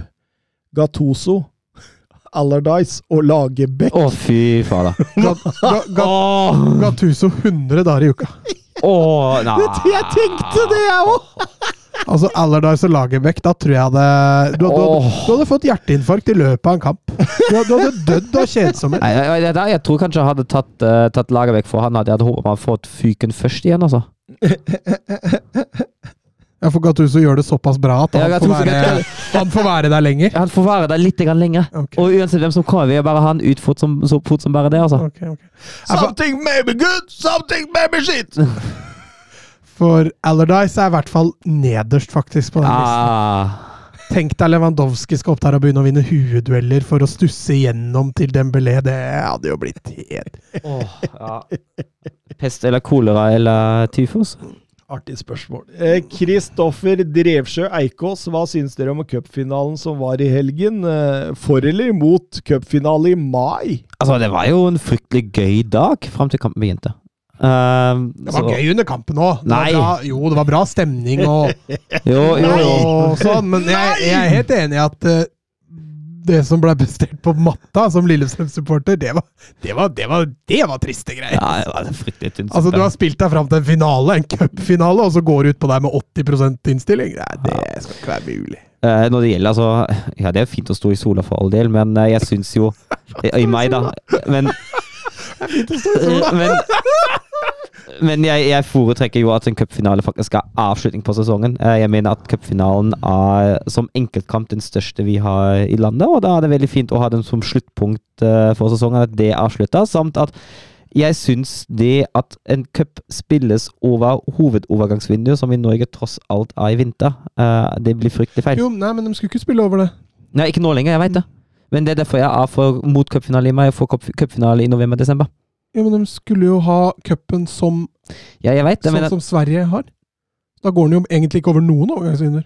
det er jo enda, det er jo enda teitere. Men Da er den jo ferdig på under et halvt år. Ja, det er jo det er fryktelig teit. Men, men et annet aspe- eh, aspekt av det, da, som, som trener i breddefotballen, og spiller første runde i januar, Ja, det Ja, den er tøff. den er slitsom, ass. ja. Den er tøff. For cupen er liksom folkelig. Den er Mm. for alle. Ja. Og så skal da Gjelleråsen innby til uh, cupfest eh, 30. januar mot Ja. Frigg på Li. Det er klart, det blir mye folk. Det, det, blir, altså det blir jo Jeg skal på første rundekampen til, eh, på, til, på Skedsmo i morgen, og det blir fryktelig gøy. Jeg gleder meg. Du burde heller komme på Li. LSK spiller for Skedsmo. Ja, dere har kamp i morgen? Mot Lørenskog her nede. Første, første runde i cupen. Klokka seks. Da kommer jeg. Deilig. Deilig. Ferdig, da. Ferdig. Ferdig, da. Og lø. Eh, Nisselue på. Tanker om Lillestrøms seier mot Bodø-Glimt i cupsemifinalen sannsynligvis var det som hindra dem fra Europa. Ganske komisk, eh, og kanskje litt typisk Lillestrøm også. Mm. Ja, vi sa det vel faktisk etter at det skjedde her, at uh, muligheten for Europa nå gikk vel ned. eh, siden vi selv valgte å slå ut Bodø-Glimt. Samtidig, Uh, selv om cupfinalen var, var et stort nedtur eh, sportslig, så vil man ikke allikevel være foruten. Selv rett etter kampen så tenkte jeg at jeg ville heller gjort dette enn å ryke ut og havne i Europa, sånn rent personlig, da. Men skal man være kynisk, så ja. Det er, det er skje- skjebnens ironi, det. Det er eh, virkelig det. Benjamin, må nevne Sverre Nypan her. Tanker om stortalentet? Jeg skrev vel på Twitter at å, når han er 23, så Så er det Strindheim på den. Er spiser Strindheim. Max. Max, ja. Nei, altså det er en playmaker-type. En, en veldig spennende unggutt. Eh, har et fotballhode som allerede ligger langt foran de, de på sin egen alder. Eh, har blitt litt omskolert nå under Rekdal og begynt å spille litt mer falsk nier, skråstrek eh. Eh, så vi får se hvordan den utviklinga går. Ja, jeg har sett noen scener framover. Da var han også ganske god i spillet mot ballen. Eh, så han kan være ganske toveis. Han, han kan godt fungere litt lenger bak i en sentral midtbane òg. Ut ifra det jeg har sett, i hvert fall. Ja, han har spennende. allerede begynt å bli ganske stor interesse rundt nå, så han eh, spørs hvor lenge vi får Men lov. er han fast i Rosenborg nå, eller? Han har jo vært skada litt under oppkjøringa nå, så han var jo ikke, han var jo ikke frisk når Rosenborg starta sesongen. Jeg vet ikke, Han, han starta imot Bodø-Glimt, starta kampen etter der. Ja, han spilte vel nå tre kamper, står Ja. med ett mål og én assist, hvis jeg ikke husker feil. Så jeg tror han har starta de siste kampene hvor han har vært frisk, i hvert fall. Jeg har satt den inn på fantasy, skjønner du. så Ja, jeg vet det, jeg så det. Nå har jeg wildcard, da. Jeg har allerede brukt opp det. Ja. Jeg, er det er rett før jeg mister det nå, faktisk. to uker sia! Nei, det er helt konge! Det her er- Jeg har så Følger så med! To uker etterpå Nå har jeg mista det. Nei, jeg er i ferd med å miste det.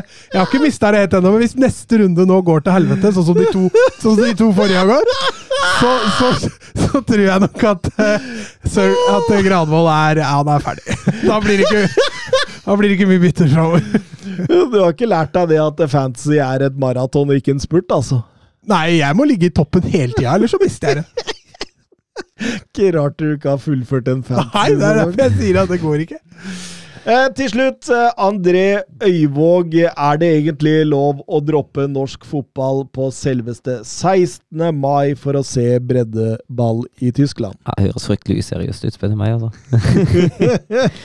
Nei, det var jo det var veldig synd å gå glipp av 16. mai, eh, for det er en herlig runde. Men det lot seg dessverre ikke gjøre annerledes i år enn å reise i den perioden. nå. Jeg har jo litt familie å besøke i tillegg til uh, breddekamper å se, så da blir det litt sånn. Du gikk ikke glipp av noe? Nei, jeg, jeg skulle heller vært på skytefestivalen enn på Åråsen, for å si det sånn. jeg, tror, jeg, tror, altså, jeg tror den kampen jeg så fikk jeg i hvert fall uh, bedre humør av, for å si det sånn. Ja, med tre bratwurst og en øl, så Ja, ja. Eller var, det- var det mot? Fire pils og en pizza. Med Men, men var det, var det uh, Men uh, currywurst, prøvde du den i der, eller? Currywurst er så nydelig. Ja, ja, ja, selvfølgelig. Det ble, det ble vel et par-tre currywurst mens jeg var der. Ah, det der er der, altså. Og så wienerschnitzel, selvfølgelig. Tenk, tenk, tenk, tenk å ende livet uten å ha smakt en øh, currywurst, da. Ja, curry, currywurst er noe av det, av det beste som finnes, altså. Det, det må på bucketlista til folk som ikke har prøvd. Jeg så han der eh, medieansvarlig, eller hva det heter for noe, han eh, markedsansvarlig i Vålerenga, han Meran. Mm. Han eh, foreslo kebab på kamp. Den tenker jeg, når du ser hva de serverer av pølser og sånn på en fotballkamp, tenk deg den kebaben, da. Ja, Mhm. fy faen, den blir dårlig. Den, eh, der er det knapt nok eh, Altså, Den får jo ikke til kaffe på kamp er akkurat det! Her skal de begynne å lage litt mer mat som tar enda litt mer Nei, nei det høres ut som en god idé å få i gang oppe på Men, men kan anbefale kiosken på Li gode vafler og, og varm kaffe. Kaffen er varm der, altså? Ja, ja, Ja, det er faktisk. Det er bra. Så det, det, det er bra. Da var vi faktisk over. Ja. Over 200 episoder is done av den ordinære sjaget. Vi har faktisk 209 totalt. Vi er, eh, Fritidsproblemer, vet du. vi er dinosauruser i, podcast. eh. Men det er kult! Mm. Det er veldig kult. Men akkurat nå følte jeg meg litt som liksom når klokka har slått tolv og du er ferdig med nyttårsaften, liksom. og Ja, Du legger unger og Det er litt ferdig. Så vi gir oss nå. Vi gir oss på topp! Nei da, vi eh, sier vel på gjenhør. Det gjør Vi, Ja, det gjør Ha